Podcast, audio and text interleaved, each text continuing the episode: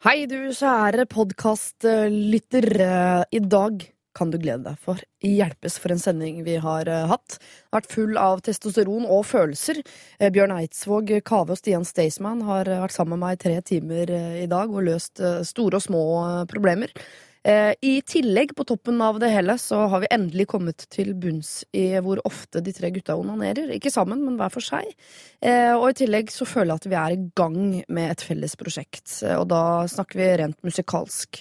Jeg har utfordret de til å lage sangen Det hele startet på en haug ved Nei, nå husker jeg ikke hva det heter engang. Men vi skal i hvert fall lage en låt sammen, hvis jeg får det som jeg vil, da, som kommer til å inneholde både pubertale setninger som eh, inneholder uh, ord som beskriver kjønnsorganer, men også uh, følelsesladde, myke, fine setninger. Jeg gleder meg til å høre hva uh, Kave, Stian og Bjørn kan finne på sammen på en scene. Hvis du gleder deg til å høre hva de kan finne på sammen i et rom fullt av problemer, ja, så trenger du ikke å vente så veldig mye lenger, for det får du her. Dette er Lørdagsrådet med Siri Kristiansen. På P3. P3. Siri Kristiansen heter eh, jeg, og det er eh, jeg som har eh, sittet her hver eneste lørdag nå i årevis for å løse ja, annet dine problemer. Og for en uke siden så hadde vi et problem der en uskyldig liten eh, datter eh, måtte høre sin mor og hennes nye kjæreste holde på i rommet ved siden av.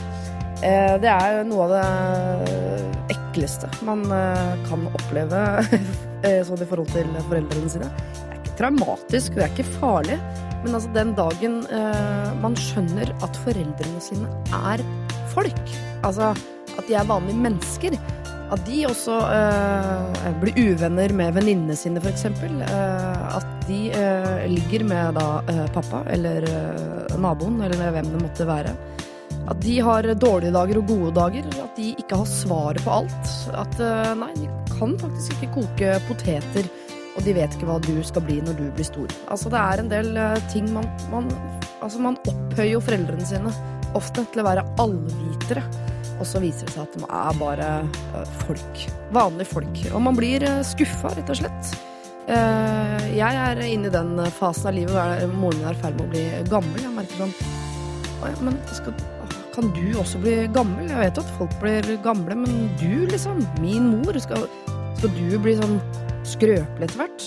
Å ja, men, men må jeg passe på deg, da? Det er veldig uvant, selv om jeg nå jo er voksen og prøver å være mor sjøl så klarer jeg liksom ikke i, eh, i, samme rom som min mor, da, å være noe annet enn en sånn ubrukelig liten datter som omtrent uh, må tas på smekket, og som må ha oppskjært biff for i det hele tatt få noe ned i gapet.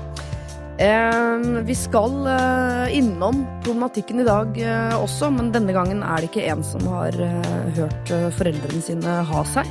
vi skal over i noe som er jeg vet ikke om det er bedre eller verre. Eh, la oss eh, holde det an og se. Eh, men eh, det er altså i eh, dopens eh, høyborg vi skal befinne oss om litt. Men før vi går dit, så trenger jeg noen å holde i hånda, rett og slett. Og det blir jo da dagens rådgivere. Tre menn av den gode sorten. musikalske sådan. De kunne startet et boyband, det er jeg helt sikker på, de tre. Men de har valgt å gå hver sin retning rent musikalsk. Eh, det er Bjørn Eidsvåg som er med oss i dag. Jeg har med meg Stian Staysman og også Kave. Og de tre skal få lov til å løse dine problemer eh, fram til klokka tolv i dag. Jeg har en fin liten bunke allerede, men hvis du vil legge til ditt problem på toppen der, eller i bånn, alt ettersom, eh, så send for all del inn. Mailadressen er lr.alfakrøll.nrk.no. Vi skal høre 'Killing Me Softly' med Fugees. Og hei, alle dere jenter jeg gikk på videregående sammen med. Kan dere ikke for en gangs skyld la være å synge med på denne låta? Det er ikke så fint som dere tror inni hodet. Lørdagsrådet på P3. P3. Fugees har vi hørt med 'Killing Me Softly', og i løpet av eh, den eh, gamle, gode låta der, så har jeg fått eh, besøk av en gammel, god mann og to til begynne med deg, da. Eh, Bjørn Eidsvåg, god morgen. Jeg er så gammel at jeg hørte Roberta Flack jeg synge 'Kill Me Softly' for veldig mange år siden. Det var hun som hadde den første utgaven. Oh, ja. Og den sangen er skrevet eh, for, av vet, Nå husker jeg ikke navnet på den som har skrevet låten, men den ble skrevet etter at vedkommende hadde vært på en konsert med, med Don McLean. Og Don McLean var han som laga Starry Starry Night, eller Vincent. Starry Starry Night, pictures hang on empty walls. Dere er for unge. Jeg er altfor Det er så deilig å kunne si det. Jeg er altfor ung. Ja. Men så gammel er jeg. da. Stian Staysman, jeg tipper du er nestemann sånn aldersmessig på, øh, på stigen her. Ja. Er du ikke det? God Jo. morgen. Jo, god morgen. Eh, tok du noen av de referansene til Bjørn Eidsvåg? Nei, eh, men jeg fikk en sånn feeling som jeg hadde når jeg satt på fanget til eh, min oldefar da jeg var liten gutt. Oldefar. Ja, men Takk for det, Ja, Stian. sorry. Ok. Han fortalte alltid sånne gamle røverhistorier, og han visste så veldig mye. Han var en klok mann. Ja. Så jeg fikk litt den samme feelinga. Så snart nå, Bjørn, så setter jeg meg på fanget ditt sånn for å, for, å- for å Du er hjertelig velkommen, Spiser Stian. så koser dere. Ja. Ja. Eh, Tok du noen av referansene, Kave, som yngstemann i flokken her i dag? Jeg tror jeg egentlig ikke eksisterte i Nei? det Du gjør nok ikke det. Nei. Du ikke det. Men fikk du noe bestefar-vibs? Det er egentlig ikke Nei. Jo, litt, kanskje. Ja, for jeg kjenner jo ikke bestefaren din så godt, så jeg, det må vi bare gjette, på en måte. Eh, jeg skulle spørre dere hva dere kaller musikken, for vi har tre eh, musikalske menn eh, eh, til bords. Eh, jeg er ikke så musikalsk av meg, eh, så bare gå gjennom hva dere kaller musikken deres. Kave, hva, hva driver du med? Jeg vil vel i utgangspunktet rap, Rap, tradisjonelt sett. Hiphop, urban musikk. Ja. Eller hvordan man velger å referere det til. Ja, nei, Men det er jo krysser så mange sjangere i seg sjøl. her er det du som velger, så Jeg syns urbanmusikk høres liksom bredere ut. urbanmusikk. Ja. Ja. Stian, hva kaller du musikken din? Skamløs popmusikk. Skamløs popmusikk. Som er langt ifra noe som helst med kredi kredibilitet å gjøre. Du driter Men folk elsker det jo. Ja, for det funker jo fint. Ja, ja, ja. Det gjør det. det. Det funker veldig bra. Og vi fyller opp lokalene på bygda, så vi er veldig fornøyd med det jeg driver med. Men uh, det funker kanskje ikke like godt sånn radiosammenheng og sånne ting, men det er jo ikke så nøye. Ja, for jeg ser for meg, Kaveh, Kave, du drar inn til de, eh, hvis man kan kalle det storbyene i Norge. Altså Stemmer. sånn Alt fra liksom, eh, Oslo til Lillehammer og rundt om i, i Norge, da, til byene. Så du, eh, Stian, du turnerer da rundt i ring rundt Kave på sånn Ikke Lillehammer, men rett utafor. Det er det helt noe annet. ja, ja. ja. Da var vi faktisk i Hamar sammen nå, da, så vi oh, ja. mikses opp innimellom. Ja, vi gjør det. Ja, vi, Jeg møtte på den her nå på fredag, var det det? Ja, jeg stemmer. Jeg merker de skriker litt ekstra når Staysman kommer på scenen. Ja. Skjønner aldri hvorfor, men det har bare blitt sånn. Er det fordi han er litt bar overkropp? Kan være. Ja. Nei, vet du hva, jeg er altfor overvektig til at de skriker på grunn av det. Jeg vet ikke, Men det er så rart. altså, Jeg, jeg, står oppe på scenen og er sånn 32-åring i bar overkropp og syns dere er deilig og sånn, skriker jeg godt. Og så står det 16 års gamle jenter og hyler og skriker. altså. Jeg tror det er noe med den der effekten du står på en scene, så kommer du unna med alt. Ja, Man blir jo senforelsket i nesten hva som helst. Ja, det er helt utrolig, altså. Er det noe for deg, Bjørn? Bar overkropp og skrike 'syns dere er deilig' til 16 år gamle jenter? Jeg har vel for så vidt aldri prøvd det. Nei, så kanskje det er på tide å ta en test. Jeg skulle til å si det er ikke for seint, men jeg er litt usikker. Men jeg er litt usikker. Nei, det er ikke for Nei, nei, seint. Nei. For all del, prøv det. Hvem eh, tror dere kunne fått liksom den beste duetten i rommet? Av, hvis to og to skulle gått sammen her? Nei, Det spørs hvilke forutsetninger man veier ut fra. Jeg tror Staysman og Bjørn klaffer sammen. Det hadde vært en merk, veldig merkelig koalisjon. Men altså, min mor hadde jo da sikkert grint. Kanskje, Ja. kanskje plutselig hadde fått kred. Ja, ja det er godt mulig. Der skrøt jeg på med det. Jeg, jeg, jeg, jeg tror faktisk jeg er på samme label, om ikke jeg tar helt feil. Alle dere tre? Ja, Sony. ja. Sony, Sony, Sony. Nei, ikke Sony. nei, ikke Sony. Ikke Sony. Nei. Nei. Men eh, Men Ja, Kava meg kunne ha gjort noe. ja, det tror jeg virkelig. For- For jeg har jo jobba med, med Lars. rappere Ja, før, og det har vært, blitt veldig bra resultater av det. Så det, det skal vi ikke Se bort ifra. se bort ifra. Hva heter det når det ikke er duett, men når det er trea? En tri... Trio. Trio. Jo, men se, produktet. Eller boyband. Eller boyband. Ja. Det har vært veldig gøy. Man har jo sett rarere samarbeidsprodukter før. Hva var denne låta med noe opera og Alexander Denstad Witte? Det var noe greier i forbindelse med et annet arrangement. ja. er det noen som husker Var det VM? Var det til VM eller noe sånt? Nei, det var for Idrettsgallaen. Jo, Ja, men det var, jo. låta ble laga til VM, tror jeg. Men det var noe rapp inni der òg. Hvem var det? da? Hva tenker vi på nå? Var det noe rapp inni den låta der òg? Hvilken snakker vi om? Ja, Var det deg, Kaveh? Jeg vet ikke. Jeg vet ikke Var det altså. det var- jeg, jeg, har en tvillingbror, da. Visste du det? Som faktisk ligner på meg og er glad i å rappe. Og som heter Kavo. Og sier til alle forespørsler han får. For han ikke tør å si nei. Men, eh, Det verste er at jeg likte den låta litt, bortsett fra det operagreiene. Det er ikke fordi jeg ikke liker opera, jeg synes bare det ble for skvalete for meg. Men eh, Nei, jeg er ganske, ganske enig. ja, rappinga, og jeg liker Alexander veldig godt, da. Så jeg syns det var fint. Vi gir det et forsøk til da, med de to gutta her. Ja, definitivt. Ja. Dere slipper ikke unna helt ennå, for jeg skal også ta en runde på sivil sivil status. Uh, begynner med deg, Bjørn. Dette gjør vi jo alltid, og jeg syns det er spennende om det dukker på sier, nytt. jeg sier det samme som jeg sa sist, jeg, at jeg er, jeg er gift. Tre barn. Mm. Og jeg har et uh, Det er mulig Det ser veldig ut som jeg skal bli bestefar snart. Oi! Det syns jeg er kult. Ja, det er kult. Grattis, da. Ja. Takk. Det er, ikke fort, det er ikke sånn at du har sagt noe nå før det er fortsatt, altså sånn. Nei, nå er magen til hun Sunniva, som han heter, så stor at nå, nå kan han ikke lyge det fra seg. Inni der må det være noe, si. Inni der må det være noe. Stian? Ja. Ja. ja, nei, det Jeg har eh, kjæreste. Ja. Utrolig nok. Jeg har vært sammen med et år, så jeg er like stolt av meg sjøl hver gang jeg sier eh, ordet 'et år' i forbindelse med et forhold. Men eh, jo, jeg har to barn, da, og den minste er to måneder gammel. Så Og eldste er seks år. OK. Altså, det, da er det en annen mamma. Det er en annen mamma. Ja, nettopp. Så dere lagde barn før dere var sånn offisielt sammen, egentlig, dere da, hvis jeg skal ta matten sånn nå kjapt? Ja, vi gjorde vel nesten det. Ja, Dere lå sammen før dere liksom Ja, Det er ni måneder, siden. Ja. Jo, jo, Ett har vært sammen i et år, Ja. og nå har det gått ni måneder pluss to måneder, da. Så Det er da- nesten noe midt oppi det. Ja, jeg skjønner. Men det, var går bra. sånn der, ja, det var veldig, sånn, veldig spesielt når det gikk opp for meg at jeg har faktisk vært uh, sammen med dama mi når hun har vært edru mer enn hun, enn hun har vært full. Altså, Jeg møtte henne i en sånn veldig sånn rock'n'roll-fase eh, av livet, og da var det liksom all in. Så brått så ble det bråstopp. da, Så nå, nå er hun tilbake igjen liksom litt sånn på denne arenaen. da. Ja. Mm. Kan liksom lukte litt på vin og sånn igjen. Men det, det syns jeg er litt masete.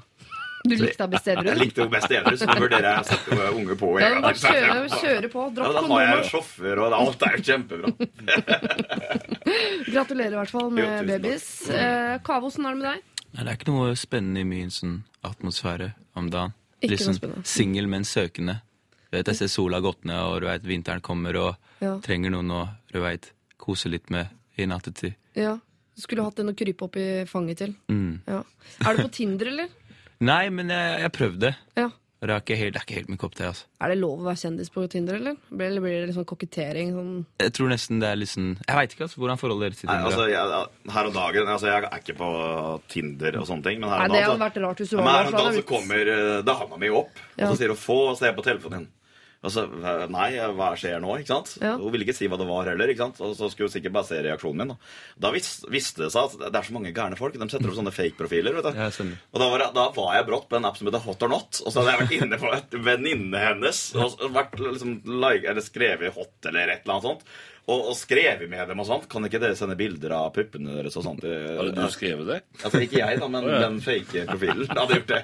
Men det er klart, når kjæresten min får det her på morgenkvisten i innboksen på Facebook, masse printscreener at jeg har ønska meg at da var det og dårlig stemning. okay. Dårlig stemning de 12-13 timene før det faktisk gikk opp for meg at, jeg, og at hun sa da at, og, jeg, og jeg kunne liksom bekrefte at jeg er jo, har jo aldri vært på den appen. Så spennende. Bra dere fikk rydda opp i de greiene der, for jeg tror også det hadde blitt ganske grinte hvis typen min hadde drevet og bedt om nakenbilder av venninnene mine. Ja, Selv, er om jeg skjønner det godt, for de er fine. Bør være åpen for sånne ting. Er. Ja. Litt jeg kommer til å åpne opp etter hvert. Altså. Skal gjøre. Dere, eh, vi skal høre Megan Trainer med sin All About the Base. Eh, og så skal vi over i eh, problemløsning her i Lørdagsrådet. Og vi eh, hopper rett i eh, et problem som heter Pappa hasjer. Men først litt eh, musikk.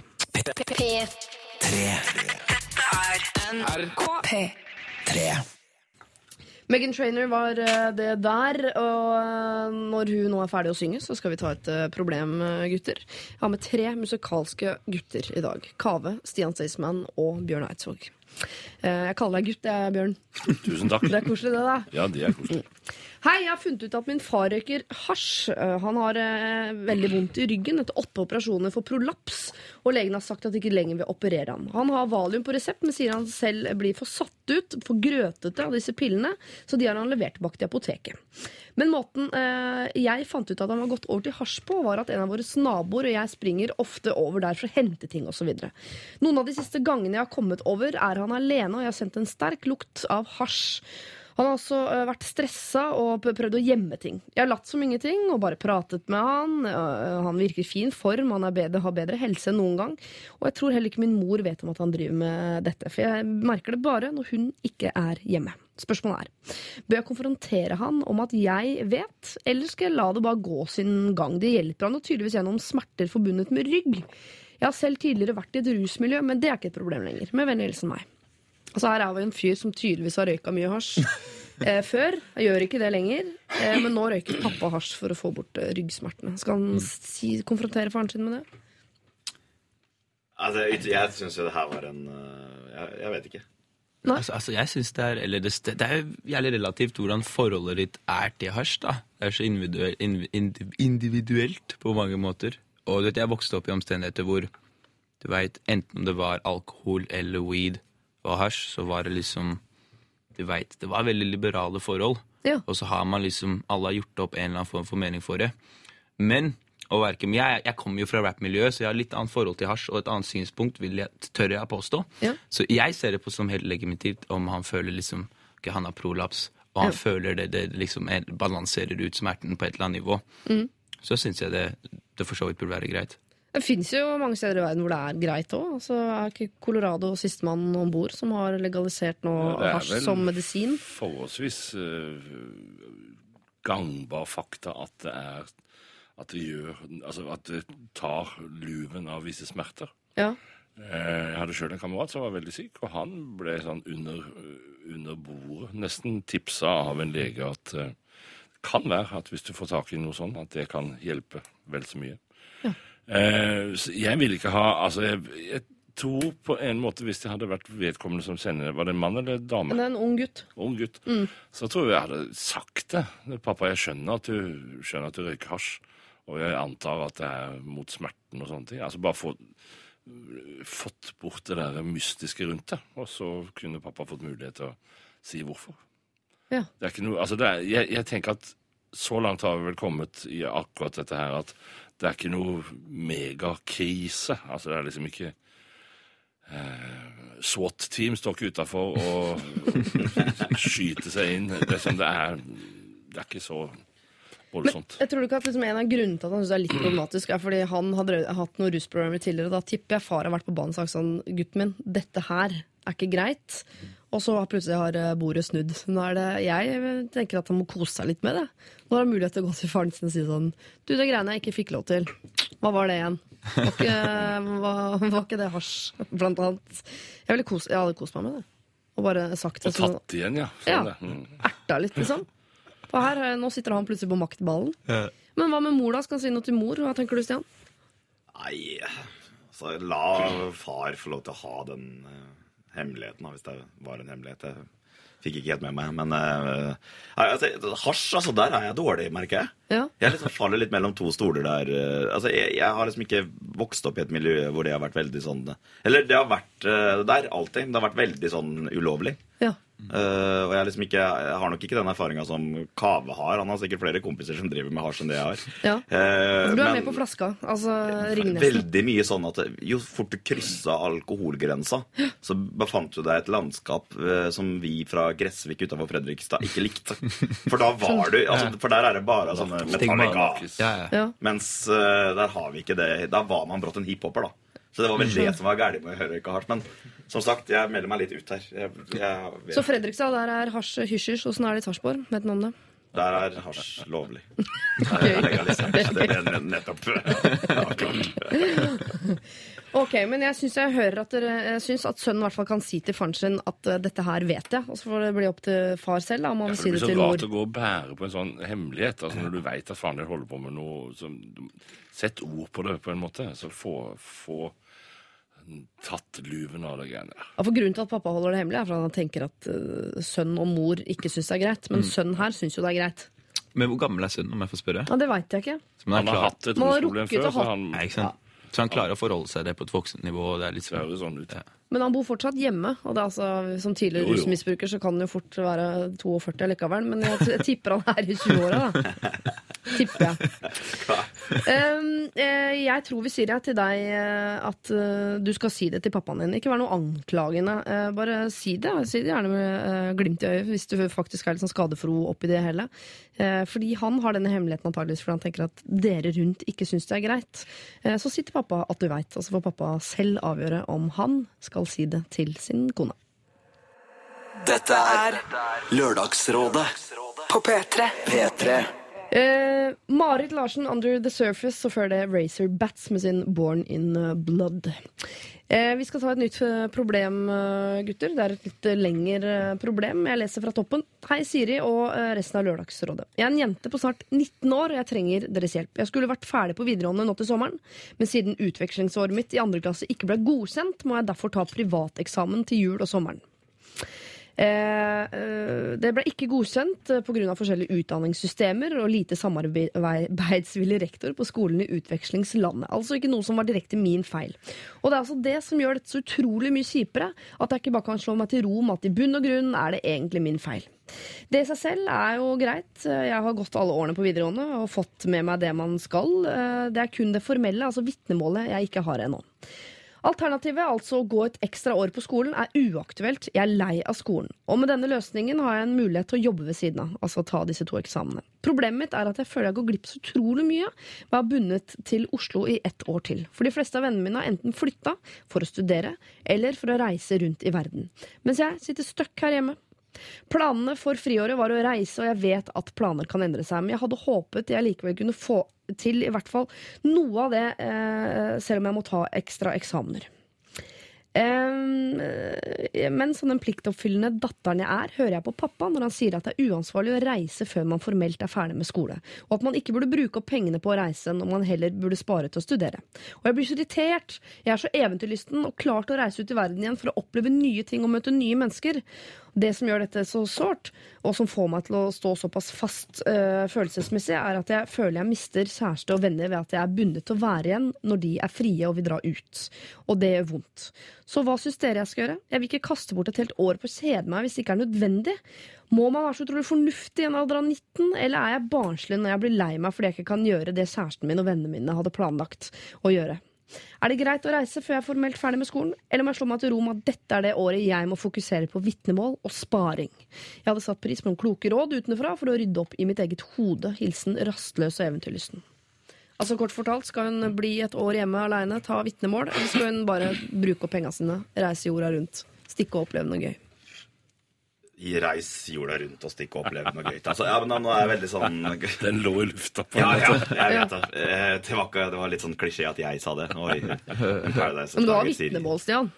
Ja, Ja. noe. Ja. Men jeg slutta skolen ganske tidlig da. Men jeg, jeg vet ikke, altså, jeg ble hele tida fortalt da, i hele oppveksten min at livet er ikke bare moro. livet er ikke bare moro.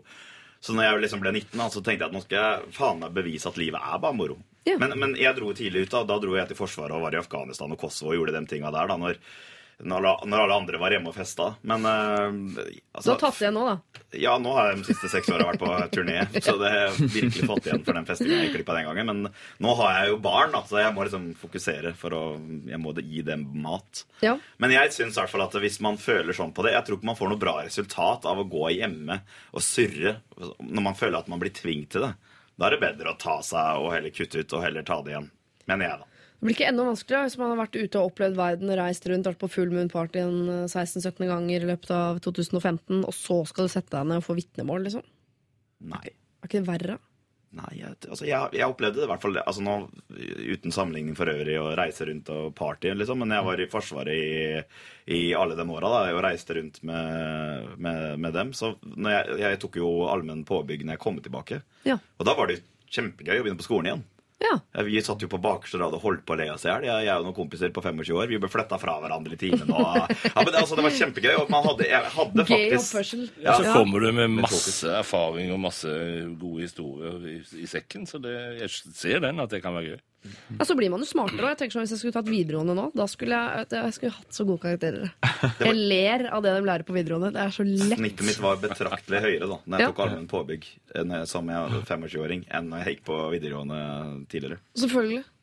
Det tror jeg på. Hva tenker du, Kave? Hva hadde du gjort? Jeg, jeg, tror, jeg tror det nesten er liksom både en fordel og ulempe ved det. Så tenker jeg at baksiden er at man lett får kjenne på det gode liv og mister litt sånn generell motivasjon for å gå tilbake. Så når jeg ville ta, jeg, I og med at hun, er, hun var 19, ikke sant? Ja. Når jeg var ett år eldre, og ble ferdig med videregående for ett og et halvt år siden. Og jeg kjente også på det suget av å bare Det her orker jeg ikke mer, ass. Nei. Men på mange måter så følte jeg at det var deilig å få gjort seg ferdig med det Ja. på et eller annet nivå, istedenfor å bære det naget. For det ligger jo i deg, eller setter sine spor. Og så er det ikke alltid Jeg føler at Det spørs jo hva du gjør i livet, Ja. men verdien for videregående hadde liksom Eller det hadde ikke en så liksom Du veit i livets sammenheng så var det ikke så givende for yrket eller hva jeg forholder meg til på daglig nivå. Du Men på, på sånn generelt plan så føler jeg det er jævlig viktig. Og bare liksom Videregående burde være en sånn minimumsgreie, føler jeg på, da. Ja, ja. tenker jeg. Selv om du hadde jo ikke egentlig trengt vitnemål for å drive med det du driver med. Egentlig ikke. Egentlig men ikke. bare på et sånn Men igjen så er det individuelt, men bare på sånn menneskelig plan så er det bare Det er bare, bare sunt å bli ferdig med det, tenker jeg. Ja, Bli ferdig med det du skal først. Det er litt sånn rydd rommet ditt, og så kan du gå ut og leke. På et eller annet nivå. Men igjen så er det liksom ja, det, det, det, det er individuelt, altså. Ja. Hva tenker du, ja, Bjørn? Nei, Du har jo sikkert måttet ta den samtalen her med noen av barna dine. Ja, jeg har for så vidt det. Eh, og det er jo det, det er som Kave sier, altså det er liksom noe vi, vi skal igjennom. Altså Samfunnet har på en måte bestemt, og det kan du være i opposisjon til, og det kan du gi, vise fingeren til om du vil, og det pleier som regel å gå bra. Men, men eh, det året hjemme da kunne jo funnet på noe ved siden av. Funnet på et eller annet morsomt å gjøre ved siden av, og ikke bare kjeda seg. Jeg tror jo ikke hun hadde kjeda livet av seg hvis hun hadde valgt å være hjemme.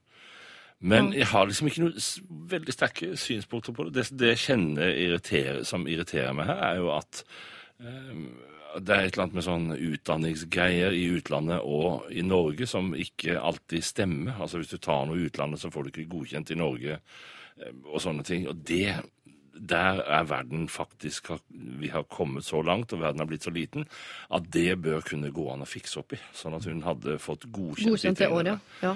Jeg har- Kunne ha altså- sjekka det på forhånd òg, da. Om hvis jeg Ja, drar dit nå, blir det godkjent. Men hva- ja, det kunne man selvfølgelig sjekka, men, men det, man antar liksom utgangspunktet. Min, min datter har en amerikansk kjæreste som søkte om å komme inn på Universitetet her i Oslo. Ja. Eh, men da var det et eller annet han mangla ifølge Universitetet i Oslo, og så, så søker han på Columbia i New York og kommer rett inn der. Og det, altså, det er vesenforskjell på Universitetet i Oslo og Columbia. Ja. Det, det rangerer ve vesentlig høyere der borte. Så da, da tenker jeg da bør Oslo skamme seg. for- Det høres bare jævla snobbete ut. Forferdelig. For da sier vi at vi er smartere enn amerikanere. Da. Sorry, det holder ikke her. Ja. Glem Og det. det er vi ikke. Nei. Eh, Jeg husker jo de som dro ett år ut fra videregående, hadde vært et år i USA og kom tilbake og måtte ta da, og gå året under oss andre. Eh, Ja. Det måtte vi jo le litt av, selvfølgelig. Og så var de alltid så innmari mye kulere, de som kom tilbake Ja. fra USA med caps. Og det gikk, gikk annerledes og var mye kulere enn oss andre. sånn. Dritgod i engelsk. Ja, jeg, anbef jeg anbefaler ikke det greiene der, rett og slett. Men det er for seint. Så altså, skal hun ta vitnemål nå først, eller skal hun ta et friår? Nei, jeg, Jeg- vi, altså, sånn råd veldig ofte er Står det navnet på henne? Eller? Nei. Nei. Rastløs eventyrlysten. Kjære det. eventyrlysten. Vi, vi, har, vi har prøvd å gi deg noen råd her, og, og så er det sånn med dette som det er i livet for øvrig. Du må ta valget selv, da. Ja. Du må liksom veie opp det vi har sagt mot alt det andre du sitter og bærer på, Ja. og så må du ta valget. Men det kan kanskje være deilig å høre noen andre fornuftige røster si det som foreldrene sikkert sier. For det er lett å si, bare slå fra seg alt mamma og pappa sier, med, at fordi de er idioter. Så de vil ikke høre på. Det kan være lurt å bare gjøre seg ferdig, så du slipper nå å eh, reise rundt eller gjøre hva du vil, og ha det hengende over deg at ikke du har det vitnemålet. Men hvis du virkelig er så lei at du tror at du ikke eh, omtrent kommer til å stå denne gangen heller, ja, så ta nå litt tid der ute. Og så kommer du tilbake, og så setter du deg på skolebenken i en alder av 25, sånn som eh, Stian, og så sitter du på bakerste rad og ler av hvor lett det hele er. Og så får du vitnemål allikevel. Men jeg vil bare si at det kan være irriterende hvis du nå reiser et år, kommer tilbake og tenker sånn Det er gartner jeg skal bli. Å nei, vent, da! Jeg må ta vitnemål først. Det kan også være litt irriterende når du endelig vet hva du skal bli, og så må du gå liksom sju mil tilbake med støvlene på og ta det der kjedelige vitnemålgreiene først. Så eh, jeg eh, tar en hånd i været for vitnemål først, selvfølgelig. Eh, men herregud, du kan jo bare se på meg som nok en sånn idiot som mora og faren din er.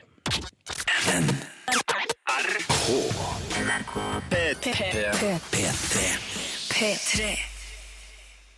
P3. Team Me fikk du eh, der, og nå skal du få lov til å bli med meg et eh, steg tilbake i tid.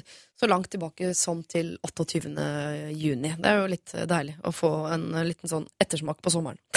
Eh, kanskje ikke den beste smaken av sommer, for så vidt, dette her. For det er eh, et problem jeg sikter til, som ble sendt inn av en gutt som følte seg mistilpass i sin egen kompisgjeng. Altså, han hadde en kompisgjeng hvor det var noen han selvfølgelig likte bedre enn andre, og spesielt to han ikke var spesielt komfortabel med, noe som gjorde at hele hans eh, væremåte i denne kompisgjengen ble noe anstrengt. Han virket som han brukte mye energi på å fokusere på de han ikke likte, og ble mistilpass med sin rolle i vennegjengen, og han var på nippet til å rett og slett eh, droppe hele gjengen basert på eh, sin mistilpasshet, og disse som han ikke var så glad i som resten, osv. Eh, vi eh, tenkte vi skulle hjelpe han så godt vi kunne, og jeg hadde med meg eh, sterke, fine folk 28. juni, heldigvis. Christian Borch var en av dem. Eh, Ken Vasenius Nilsen var her, og det var også Synnøve Skarbø. Eh, og de ga følgende råd. Jeg kjenner meg veldig igjen i den situasjonen han befinner seg i, og han er i en sårbar fase av livet hvor akkurat det der å gå på akkord med seg selv for å tekkes omgivelsene er eh, vanlig og en naturlig reaksjon, men jeg vil si veldig, veldig farlig. Han vil heller bare konse på de han liker, og snakke med de og pleie det forholdet. Ja. Ja, Heller overså overse litt hvis han ikke kommer overens med. Eh, og sånn Ja. som i min gjeng, vennegjeng for eksempel, så har vi jo masse krangler. liksom. Det skjer jo, har skjedd opp gjennom uh, 10-20 år, det, liksom. Eh, uten at uh, man noen gang egentlig blir så sure på hverandre at man mister hverandre heller. Fordi noen år seinere igjen så vil du møte kanskje han fyren som du egentlig ikke liker. Kanskje liker han litt bedre, fordi dere har faktisk eh, støtt horn mot hverandre et par ganger og vet litt hvor begge er, og er i hvert fall ekte mot hverandre, da, på en eller annen måte. Jeg tror jeg vil anbefale vår bekymrede venn å være litt dristigere i sin omgang med disse menneskene. Kanskje reagere mer spontant, slik som han ville reagert naturlig, uten å moderere eller modellere sin egen ytringsform for å bli likt på en måte av disse menneskene han har et harmonisk forhold til. Dette er Lørdagsrådet på P3. P3. Det var altså noen av øh, rådene som denne gutten fikk 28. juni i øh, år. Og her om dagen så fikk jeg en mail fra denne gutten som var veldig oppløftende. Jeg skal lese den i sin helhet. Hei, her kommer en litt forsinket oppdatering. Helt siden dere tok opp mitt problem før sommeren, har jeg hatt stemmene deres i bakhodet. Det dere sa, har hjulpet meg. Jeg har aktivt prøvd å ikke gå på akkord med meg selv, slik Christian Borch rådet meg. La meg forklare. Da vi gikk inn i sommermånedene og den sosiale sfæren startet, gikk jeg inn med alt jeg hadde. Jeg var meg selv til det fulleste i alle sosiale sammenhenger, og jeg prøvde å være så originalt lik den jeg vil være, altså en person jeg egentlig har vært, men som ikke har klart, klart å være i det siste. Og det ga resultater.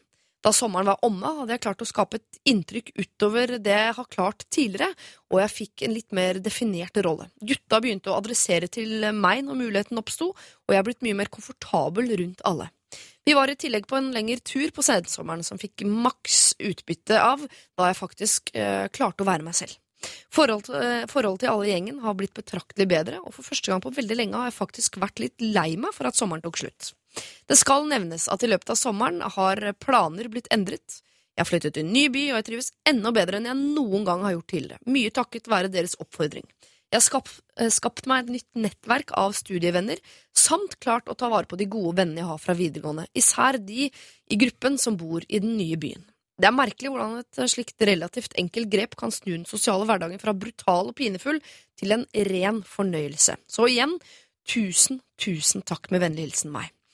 Sånne mail, altså øh, Jeg liker jobben min veldig godt i utgangspunktet, jeg skal ikke påstå noe annet, men når man får de mailene der, øh, som jo gjør at man føler at man gjør en slags øh, forskjell, det gjør så utrolig godt. Jeg setter kjempepris på at dere sender inn disse tilbakemeldingene. Om de er dårlige også, så tar jeg det faktisk også på mine skuldre.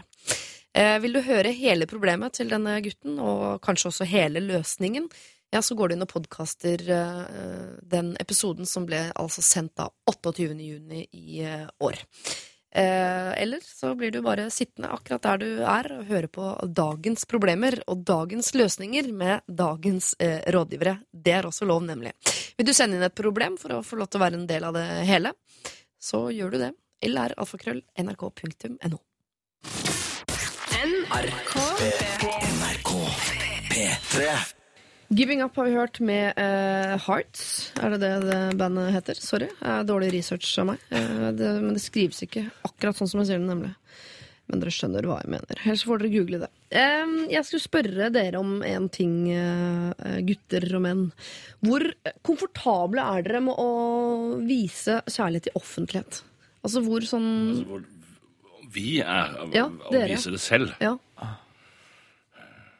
Både nå og eh, var det liksom når du traff kona di? Var dere sånn som klina bakerst på Blåtrikken i Oslo, eller? Nei, ikke i Oslo.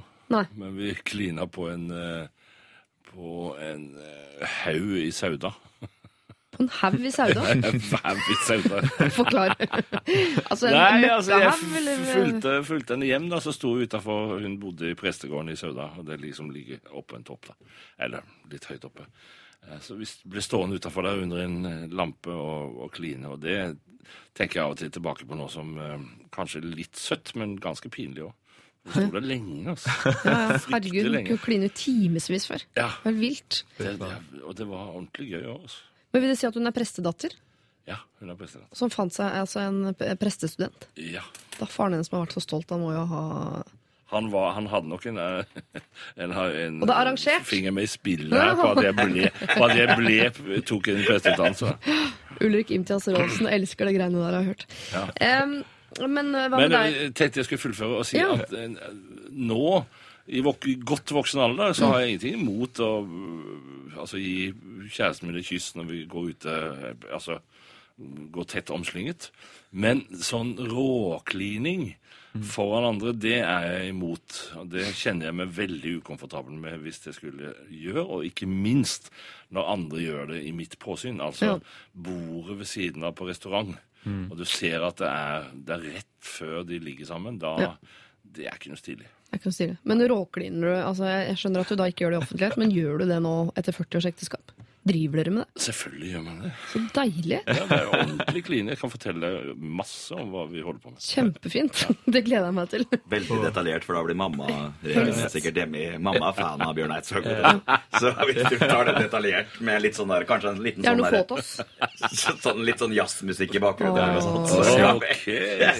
Det kåseri der med noen bilder. Det begynte med en haug i Sauda. Ok. Med den signaturresten. Det er dritbra. Det er dritbra. ok, Det føler jeg er begynnelsen på den låta dere tre skal lage sammen. Ja. Du begynte på en haug i Sauda. Skal låta hete. Ok, Åssen er det med deg, Stian? Er, det, er du sånn som tar vorspielet ute blant folk? Nei. Nei? Nei, altså det kan jo sikkert eh, Det har, har helt sikkert skjedd. Ja. Eh, Men da tror jeg jeg har hatt ganske høy promille. ja. Men kjæresten min, altså, det blir feil. eh, Jeg vet ikke. Altså, jeg, jeg ser en forskjell på eh, groupies da, og kjæresten min. ja. For groupies screener du med i offentlighet, Det, ja, selvfølgelig. det har skjedd. Det, det, og det er litt rart. Men jeg er mye mer sånn her, jeg blir automatisk mer gammeldags så fort det eh, er en kjæreste. Ja, da blir jeg sånn automatisk litt mer eh, Da går jeg, sklir jeg litt mer over i Bjørn Eidsvåg-kategorien. At jeg liksom Jeg kliner ikke offentlig og liksom blir pinlig berørt av hele greia. Men når det er sånn fest og moro, vi er et lass av gutter ute og ja, ja, ja Altså, når jeg, Når du er singel. når jeg er singel, ja. Det er viktig å påpeke det. Jo, men sånn er det jo. Man vil at kjæresten skal være yndig og søt. på. og så- Ja, det er helt sikkert. Så. Det er Men, derfor eh, menn eh, går til prostituerte, for å få leve ut de møkte fantasiene sine. For det får ikke kona være med på. Det er ganske vanlig, har jeg hørt. Åssen er det med deg, Kaveh? Du er jo singel for øyeblikket, da, men eh, vi- hvis du treffer drømmedama, kommer dere liksom til å kline sånn på gata? Det har alltid vært litt sånn derre Jeg er en følelsesladet person, men eh, jeg er veldig sånn Jeg gjør det i sånn isolerte settinger. Ja. Jeg vet ikke om det hørtes litt sånn ekstremt ut, men jeg gjør det med litt sånn Du veit jeg er ikke noe, det, Som Bjørn pekte på, så kommer det også med alderen og tryggheten. ikke sant? Du, Ja. Jo eldre du blir, jo mer sikker er du på deg sjøl, jo mer tør du gi uttrykk for følelser i offentlighet og sammenheng. Ja. Men eh, føler du at det finnes en sånn grense da, på hva man gjør? Fordi jeg aldri, jeg har alltid vært han fyren som når jeg ser kameraten min med dama, og de begynner å liksom go at it, og de liksom gjør det på et liksom Som jeg ser på som et ekstremt nivå, råklining og sånt, da blir jeg litt sånn Du vet Finn liksom Find your space. Ja. Jeg føler liksom et søtt lite nuss i en offentlig sammenheng. Du vet, Småkosing på en kinosal. Det er innafor. Det Mm. fins en sånn balansegang. Ja. føler jeg, da. Ja, det fins en balanse. Det som er synd, er at den er så forskjellig fra person til person. Jeg tror det er også litt miljøstyrt. Ja. Jeg, altså jeg var på en hel sesong på Paradise Hotel, og jeg gjorde så utrolig mange kleine ting der. Det alle vennene mine og, og mamma og alle syntes var det kleineste. Er Northugen. Nei, Nei. nei, det var det to sekundene hvor jeg kyssa en dame på soverommet, og hvor jeg mente det. Hvor jeg gikk ut av skallet mitt og faktisk var glad i den jenta det var snakk om. Og, og jeg kyssa henne. Ja, Ja. men altså, jeg, jeg var veldig betatt av henne inne på det hotellet. Alt blir så veldig forsterka. Og jeg kyssa henne. Det var to sekunder på TV, men det fikk alle vennene mine med seg. Telefonen gikk helt over styr. Det er det kleineste de har sett noensinne.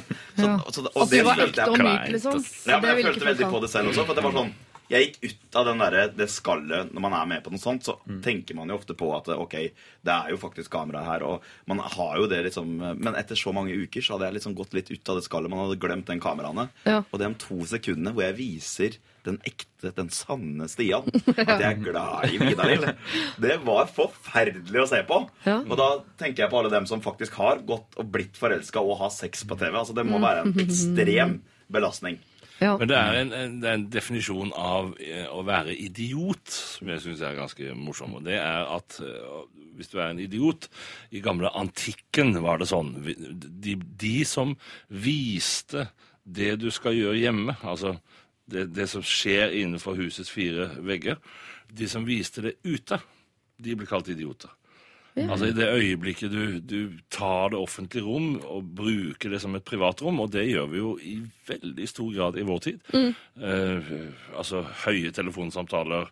eh, og, og da syns jeg det er morsomt det du sier, at altså, i det øyeblikket du viser ordentlige følelser overfor en, det er jo Det tilhører det private rom. Og dermed så tror jeg kanskje at vi da reagerer vi sånn at dette her burde vi ikke sett, eller dette har jeg ikke lyst til å se, eller et eller annet sånt. Da må, først da må man føle seg som idiot. Jeg skal eh, google de tre sekundene med ekte klining Ja, mellom Vidar Lill og Stian Jeg håper Selsman. ikke det fins. Ja, det må det bare gjøre. Så ringer jeg TV3, setter i sving et helvete der Stian, alt fins. Har du først vært på TV eller radio, så alt fins. Alt fins. Det der skal ut. Eh, vi skal eh, holde oss til problematikken. Vi skal høre Vanstrew og med sin Riptide eh, først. Men eh, som sagt så er det ikke alle som er enige om akkurat hvor den grensa for hva som er privat eller ikke, går. P3. Lørdagsrådet på P3. Vance Joy var det med sin eh, Riptide her i Lørdagsrådet. Og jeg sitter jo klar med dette problemet som handler om litt sånn eh, intimsfærer osv. Har jo allerede slått fast at eh, både eh, Kave, Stian og Bjørn eh, Eidsvåg, dere er ikke av typen som er helt komfortable med sånn eh, griseri in public. For å si det kort. Her står det Hei, eh, sier jo resten av Lørdagsrådet. Jeg håper og ber på mine knær at dere tar opp dette problemet, og det gjør vi jo nå, da. Jeg går på folkeskole og har som de fleste andre en romkamerat. Noe som var veldig koselig helt til hun fikk seg kjæreste. De bytter på å sove eh, hos eh, hans romkamerat og inne sammen med meg. Og ja, de koser veldig når de tror at jeg sover. Og ja, de har sex. Når jeg er på rommet.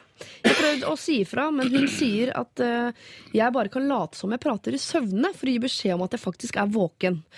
Hjelp. Jeg har prøvd det, men det hjalp ikke det heller. Helt ærlig, jeg er ikke i nærheten av å være komfortabel med denne ekstra romkameraten, og vær så snill og hjelp meg så jeg kan sove ordentlig og få rommet mitt tilbake. Stor klem fra våkenfrøken. Altså, dette eh, De fleste Dere skal få slippe å, å si det høyt, men de fleste har vel vært med på at noen man kjenner, har sex i samme rom som man selv prøver å sove i. Og det er jo helt jævlig. Og her har hun til og med sagt fra, og det hjelper ikke. Hva er neste steg da? Eh, kjøp en gunner. Ja. Kjøp en gunner. Nei, det der skal ikke skje, altså. Det, folk må, det, det, hun må bare si det enda høyere. Det, slutt. Du skal Ha så mye sex du bare orker, men, men ikke foran trynet mitt. Nei. Men når skal du si det? Mens de holder på? Eller ta det sånn over en kopp te dagen dagen hun derpå? må jo si det før de får begynt. Altså, hun må sørge for at de ikke får begynt engang. Altså, det, ja, ja. Ja. Det, hvor, hvorfor tør man ikke å si fra om sånt? For eh, altså, eh, Hånda er de som har ligget og bare holdt ut til noen er ferdig. Man tør ikke å si fra. Stian. Ja, der er vi i hvert fall eh, Vi har det Ja, men, det- nei, men jeg, jeg vet ikke om jeg, hadde vært at jeg har turt å si ifra. Ja, den situasjonen har ikke vært så ofte. Det har vært mer Nei. at jeg syns det har vært veldig gøy Å, ja. å være han De tror jeg sover. Altså, jeg vet ikke, jeg med kompis med deg, Du vet at jeg sov ikke i går. Men det er utrolig slitsomt, vil jeg tro. Ja. Mm. Man kan jo svare med samme mynt. Og Bare overdrive det. Ja, Med seg selv? Eller? Ja, da er du i hvert fall gæren. Ja. At det hadde jo, Da hadde jo sikkert de skjønt poenget. Hvis hun hadde begynt å være veldig høylytt Hvis på sin hun alene skal overdøve de to sammen, ja. Men hun prøvde å snakke i søvne mens de hadde sex. Nei, for å venninnen liksom venninnen sier kan ikke du late som du snakker i søvne, for da veit jeg at du ikke sover. Så det var et sånn hemmelig tegn Å, de ble på- enige om. Okay. Og så hjelper jo ikke det heller, da. nei. Nei. Og likevel, da sier hun noe sånt, for hvis du sover, så kjører vi på. Jeg syns ikke det er greit heller, ja. Nei. Men uh, Jævlig egoistisk av venninna, ja. tenker jeg. Så er det Jeg tror det er litt sånn Hun føler kanskje ikke for å bryte den derre Det spørs hvor god venn hun er, men det er litt sånn Hvordan hun and, på den andre enden tolker det, da. Bare ja, men er du misunnelig på at jeg får meg et ligg, eller hvordan liksom, Det spørs forholdet deres. Hvordan ja. de forholder seg til hverandre på et eller annet nivå. Ja, For det må være en grunn til at hun ikke For hvem er det egentlig kleint for? Hvis hun faktisk gjør som du sier, da, eh, og reiser seg opp eh, Ikke reiser seg opp, men sier fra midt i akten, sier fra litt sånn høyt og tydelig, så så er det vel mest kleint for de som holder på, ikke for hun som sier fra. Mm. Og likevel blir hun liggende og bare høre på og håpe at det går over. Men ja, men da er det det. altså. Ja, det gjør det jo. Det går over, ja. Det er ofte ganske f- ja, ja, Ja, men det kan, det, Jeg bare ser for meg utrolig mange kleine Altså Hvis hun da først sier ifra, ikke sant? Ja. da er det midt i akten. De har ikke lyst til å stoppe det greiene her heller. Nei. Så er du høylytt og sier 'nå må dere gi dere', og så legger du deg til å sove igjen, og så begynner den derre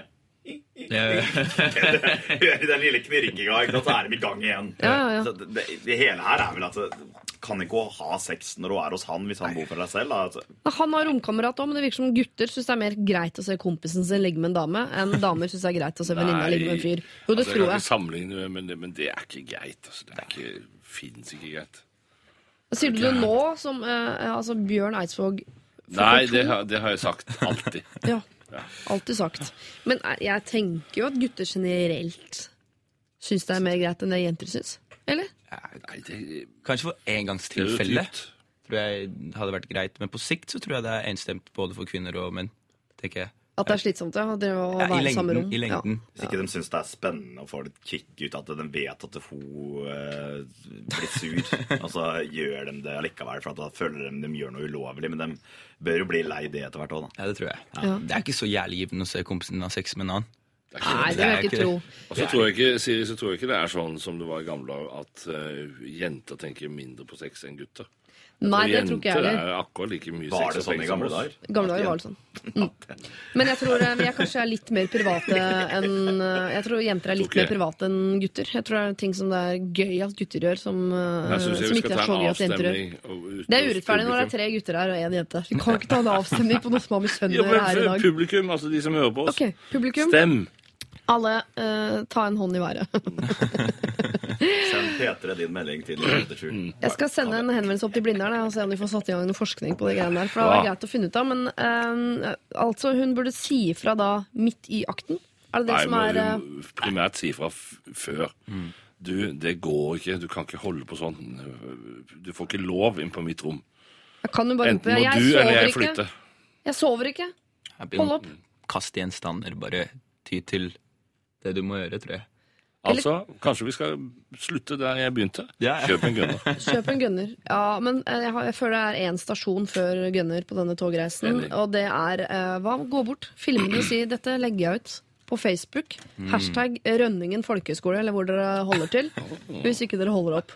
Jeg har video av dere nå. Jeg skulle akkurat til å si det samme, faktisk. Det var, de tok meg litt i forsøpet. Det er veldig effektivt. Det er veldig effektivt, ja. Mm, Eh, jeg syns trusler er eh, Jeg synes trusler er greit. Da. Jeg vet ikke om politiet er enig med meg, men litt truing må være greit. Ja, men Du har jo den eskaleringsstigen man lærer i politiet og Forsvaret. Man skal jo da først eh, ta et ladegrep, og så varselskudd, og så rett. Da. Så hvis man da først eh, tar Det er bra.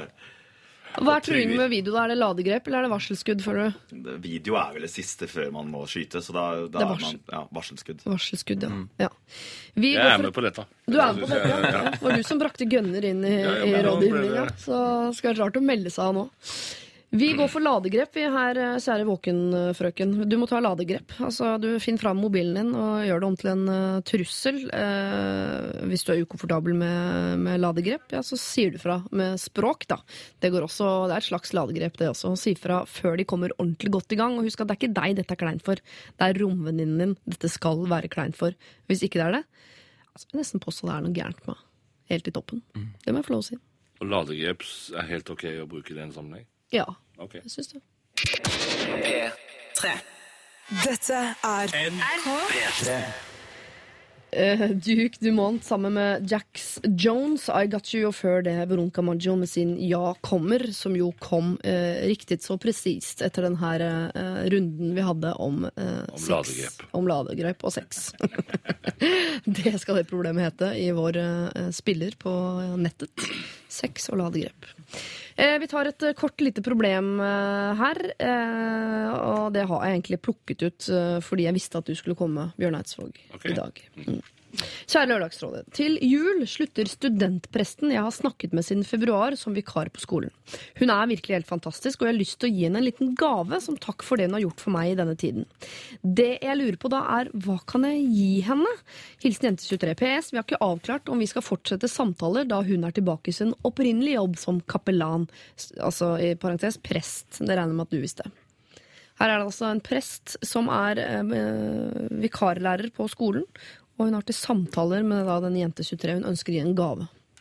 Hva er innafor å gi til en uh, Til en uh, kapellan? studentprest? Mm.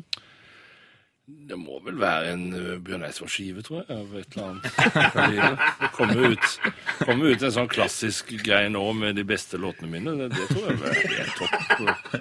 Ja.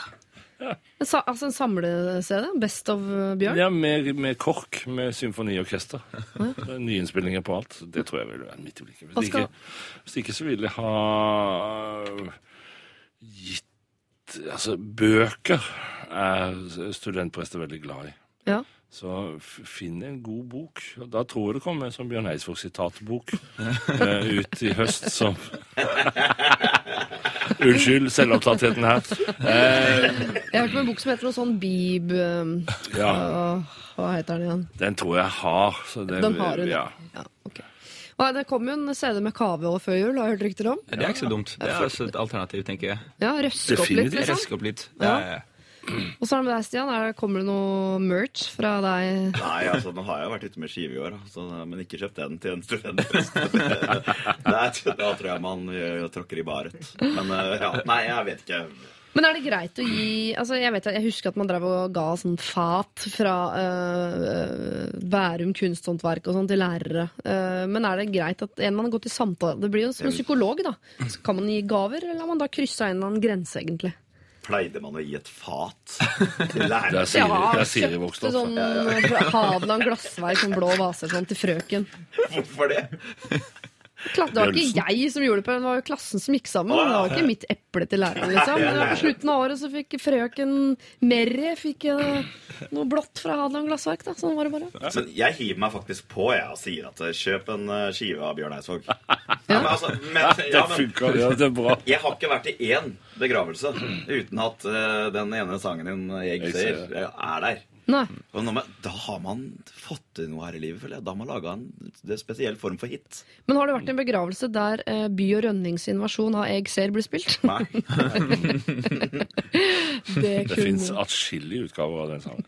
Men, men, helt seriøst så tenker jeg det at altså, for å unngå at ting skal bli kleint, dette med fat og, og topp og, og altså klær og eller hva det måtte være. Det, det Ingen som foreslått bli... å kjøpe en topp til presten. jo, men sett at, sett at det var interessant, da. Ja. Altså, Tubetopp til kapellanen. ja, Dritbra. Det der skulle jeg aldri ha sagt. Jeg skjønner, jeg skjønner Vi spoler tilbake. Begynn på nytt. Jeg skal bare si det at jeg tror veldig på en bok. Ja. Altså, Jeg tror veldig på å gi, gi en bok som du selv har hatt stort utbytte av, som du sjøl er glad i, for da gir du tilbake litt sånn av deg sjøl, på en måte. Det, det, tror jeg er en god gave. Ja, for det må være eh, passe sånn personlig, men det må ikke være en sånn at det virker som For jeg bare får litt sånn eh, personlig gave til læreren kan virke som sånn eh, Det er en du har delt mye med, hatt problemer At det kan virke litt sånn uh, som et slags frieri, da, hvis du skjønner. At man skal prøve å unngå det. Og da Yes. tubetopp, for eksempel, er jo Det kan være Langt utafor. Ja. okay. uh, Jente 23. Uh, den uh, CD-en til Bjørn Eidsvåg er foreslått av Bjørn selv, eh, som kommer ut før jul en eller annen gang. Eh, Stian, Stian heier seg på. Jeg på. Ja, ja. Jeg anbefaler jo uh, Kave Kaves, sin, eh, som jo ikke er ferdig engang. Så det er jo risikosport å anbefale det. Eh, ellers så kjøper du en bok eh, som du selv er glad i. Det er, liksom det er greit å gi til en kapellan. Og selv om Tubetopp ble nevnt, så er det ikke et godt alternativ å gi som eh, takk for gode samtaler. Hvis du har et eh, problem, så send det inn til oss. Vi sitter her tilgjengelig for deg eh, fram til klokken tolv. Eh, bruk lralfakrøll.nrk.no, en mailadresse jeg klarte å slette forrige lørdag, men vi er nå tilbake. Vi er oppe og går, vi ruller. lralfakrøll.nrk.no. Dette er Lørdagsrådet På P3. P3.